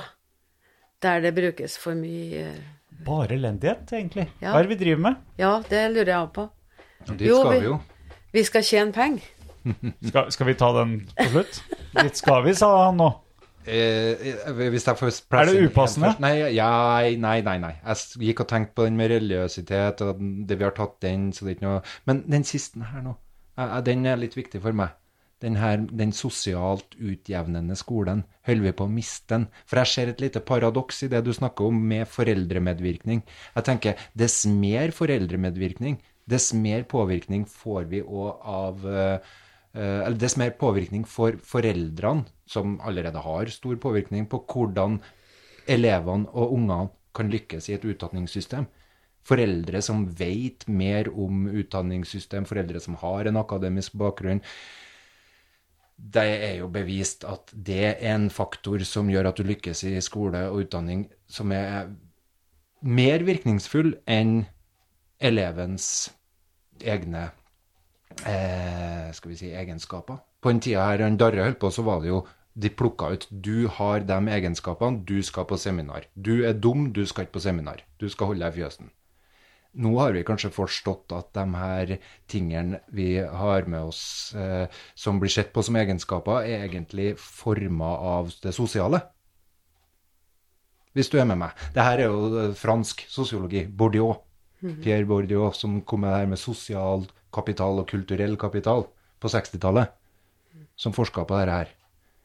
Og da slår det meg at ja, ikke den måten du bruker foreldrene på, på å få bedre relasjoner, men dess, hvis vi tenker den her nettskolen under koronatida, da, der foreldrene fikk veldig mye ansvar for ungene sin læring, så syns jeg det var dritskummelt. Jeg hadde håpa at ingen lærere la så veldig mye vekt på den perioden, for da er de jo prisgitt foreldrene sitt, sin bakgrunn.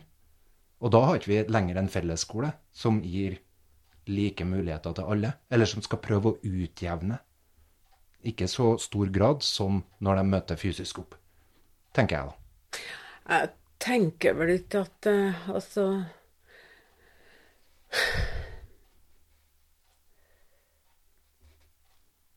Nei. Nei jeg, jeg, tenker at eh, det, det viktigste, det er, det, er, det er eh, respekten for alle, uansett.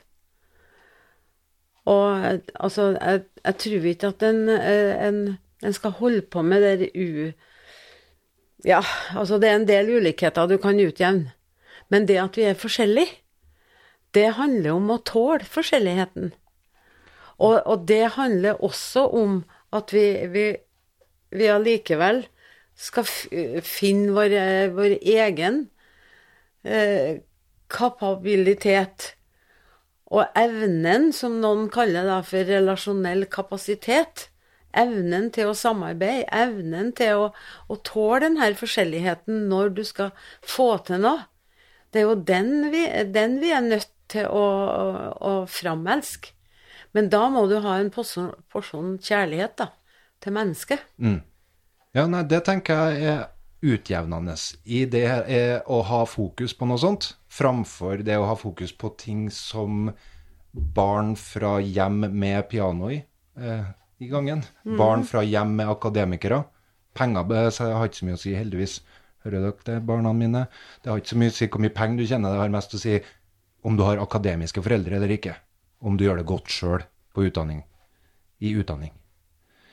Men å ha fokus på andre ting enn det her med karakterer, det har vi enda med oss fra Darre sin tid. Karakterene. Veldig viktig.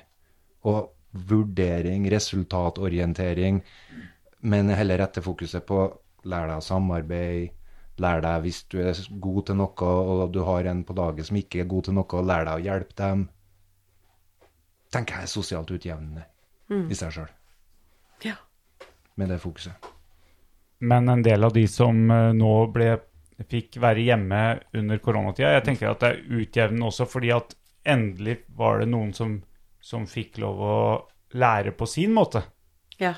Og ikke sitte inne i det klasserommet og være lik alle andre. Men de fikk lov å sitte hjemme, eh, ta, seg, ta seg både de, de konsentrasjonsøktene og de pausene som de trenger. Eh, Så klart. Ja, ja. ja. Nei, det, det er litt som det er med barnehage. Det med at eh, ja, det blir bedre med flere voksne og, i, og kortere tid i barnehage, så klart. Så, ja. nå, tror- nå tror jeg du må runde av på en uh, veldig elegant måte. Jeg har ikke noe mer, egentlig, altså. Men uh, det, Har, det, har du noe mer, Møyfrid? Eller syns du at vi har holdt deg fanga lenge nok? ja. Nei, jeg syns, jeg syns det har vært veldig eh, artig å være her. jeg. Fint. Jeg lurer jo på om jeg kommer til å tenke på noe som jeg sa, da. For det har jeg litt lett for. Ja. Det, jeg òg. Tenk på at jeg sa det, og så kanskje jeg ikke skulle ha sagt det. Men eh, Jeg Jeg tror, Hva, er det- hva, er det, hva er det som verste som kan skje da, da? Nei, det er det jeg har kommet til allerede, at det er ikke noe verste. Nei. Det jeg- som skjer, det skjer. Men uh, ja. gode intensjoner, Ja, tenker jeg. Men nei. Nei, altså, jeg syns det var veldig, veldig trivelig. Jeg syns at spørsmålet er skal nå ha et svar. og det må jo stemme litt med meg sjøl. Hva det som gjorde at du gikk den veien du gjorde? da? Hvordan var foreldrene dine, forresten? Nei, jeg var fire år da jeg bestemte meg for å bli lærer. Seriøst? Fire år? Ja. For jeg, jeg, det spørsmålet hadde jeg veldig tidlig, men Øystein avbrøt meg hele tida. Så jeg tenkte øh, Du ble lærer, var ferdig utdannet når du var 21 Da år. jeg var fire år, så gikk jeg til hun, hun lærerinna som kunne gi meg ei lesebok. Og hun bodde på et bitte lite kott. Sånn, var ei seng, og så var det én stol. Og jeg fikk sitte på kappsekken hennes, da, som det het den gangen. Altså Kappsekk? kofferten. Oh, ja. Kappsekk, det er svensk. Vi snakka litt svensk oppi Lierne. Og så, og så fikk, jeg, fikk jeg et glass melk hos henne. Og så gikk jeg hjem med boka mi. Men inni den boka så var det, det bilde av noen to skomakere som jeg var litt. Åh, jeg var så redd dem. Oh, ja. Så alltid så datt den der boka opp på det bildet. Er ikke det rart? Hva var foreldrene dine? Men pappa var lærer, og mamma var husmor. Så der, ja. En lærer, Men hun var, vel, hun var altså så Du var predisponert for å bli lærer, du, Myfrid. Ja. Jeg er sikker på at du har gjort en bra jobb. Jeg vet ikke om det blir noe bauta. Hvor skal gravlegges? Tjung. Ja. Det, du skjønner, det er en serie av Ja. spørsmål vi har. Gravlegges? Nei, Ja. det må jo bli Klæbu, det. Du skal det. Ja, Ja, fordi at øh, Og det var derfor jeg stilte et Eller Minnelund, da. Alt dette. ja, jeg, ja, ja, veldig, veldig, veldig må bra. jo, må jo ta jeg opp hadde- det med ungene, da, men de var ikke moden for å ta opp det for en stund siden. Og det kan jo hende at, du, at det er dette du angrer på at du sier på podkasten, da. Eh, Men vi har, vi har med jevne mellomrom snakka om hvordan vi skal gravlegges, og hva som skal skje etter vi dør. Og så spurte jeg sånn i en bisetning nå, Øystein, jeg vet ikke om du la merke til det, er det upassende at vi, at vi Ja. spør om hvor du skal gravlegges? Men Øystein tok sats, det er jeg veldig glad for. Eh, Vi kan jo gjenta eh, Du, du sier også enten eh, gravlegges eller Minnelund. Eh, Det, Ja, altså- det betyr kanskje kremasjon, da. Ja, det betyr jo det. Ja. Ja. Hvis er det. Så vi Ja. har fått et sånn greit forhold til begge deler. Men du, du skal på Klæbu i kirkegård, er det det du tenker? Ja. Ikke til Lierne? Nei. Nei, for jeg har nemlig sagt at jeg skal ikke, jeg skal ikke på Klæbu kirkegård. Nei. Nei. Og jeg tror ikke jeg skal opp noen kirkegård i det hele tatt. Eh, Nei, nei. For jeg tenker kanskje at eh, de kan strø aska et eller annet sted der det er saltvann. Det hadde jeg satt pris på. Han er sånn havets mann. kanskje. Ja. Maritim. Ja. Seilbåt og så, Du har vært på Facebook og kjefta på folk for at de brenner bål på Svaberget nå. Enn det. Og de hører ikke på den. Ja, Han Svaberget sprekker. Ja, det, det, er no, det, er Ja, okay. det er noen folk som Ja, nemlig. Ja. Det er noen folk som, eh, som er på seiltur, og som eh, sprer det på nett. Og det er veldig artig å se på. De, de, de seiler rundt, men så har de tatt bilder av seg sjøl mens de drikker vin og, og fyrer bål rett på svaberget. Ødelegger jo svaberget til evig tid. Ja. Og da følte jeg for å si ifra. Og det sier Øystein at da er jeg et eller annet. Ja, akkurat. Men eh, det var bra. eh, Vi snakka litt om å rette på hverandre her, og det, det syns jeg kunne tilvalgt meg. Friluftsliv er ikke en hobby for en Pål. Det er mer enn en hobby. Det betyr noe etter hans død og før hans eh, fødsel. Det, det, det, jeg må alltid ha inn den for at du skal piske meg for at jeg har piska på radioen noen ganger. Ja, og Øystein, For at for, kjente, for, eh, for faste lyttere, så vet jeg at Øystein han skal etter sin død slepes opp i skogen bak en stein og komposteres. Ja. Han Høres fint ut. han Skal bli gi brennesle. Nei, nå må vi gi oss. Nå er, det- nå er det ferdig. Skal jeg brenne noen? Skal du kjøre, skal du kjøre outro-musikken? Outro har vi begynt.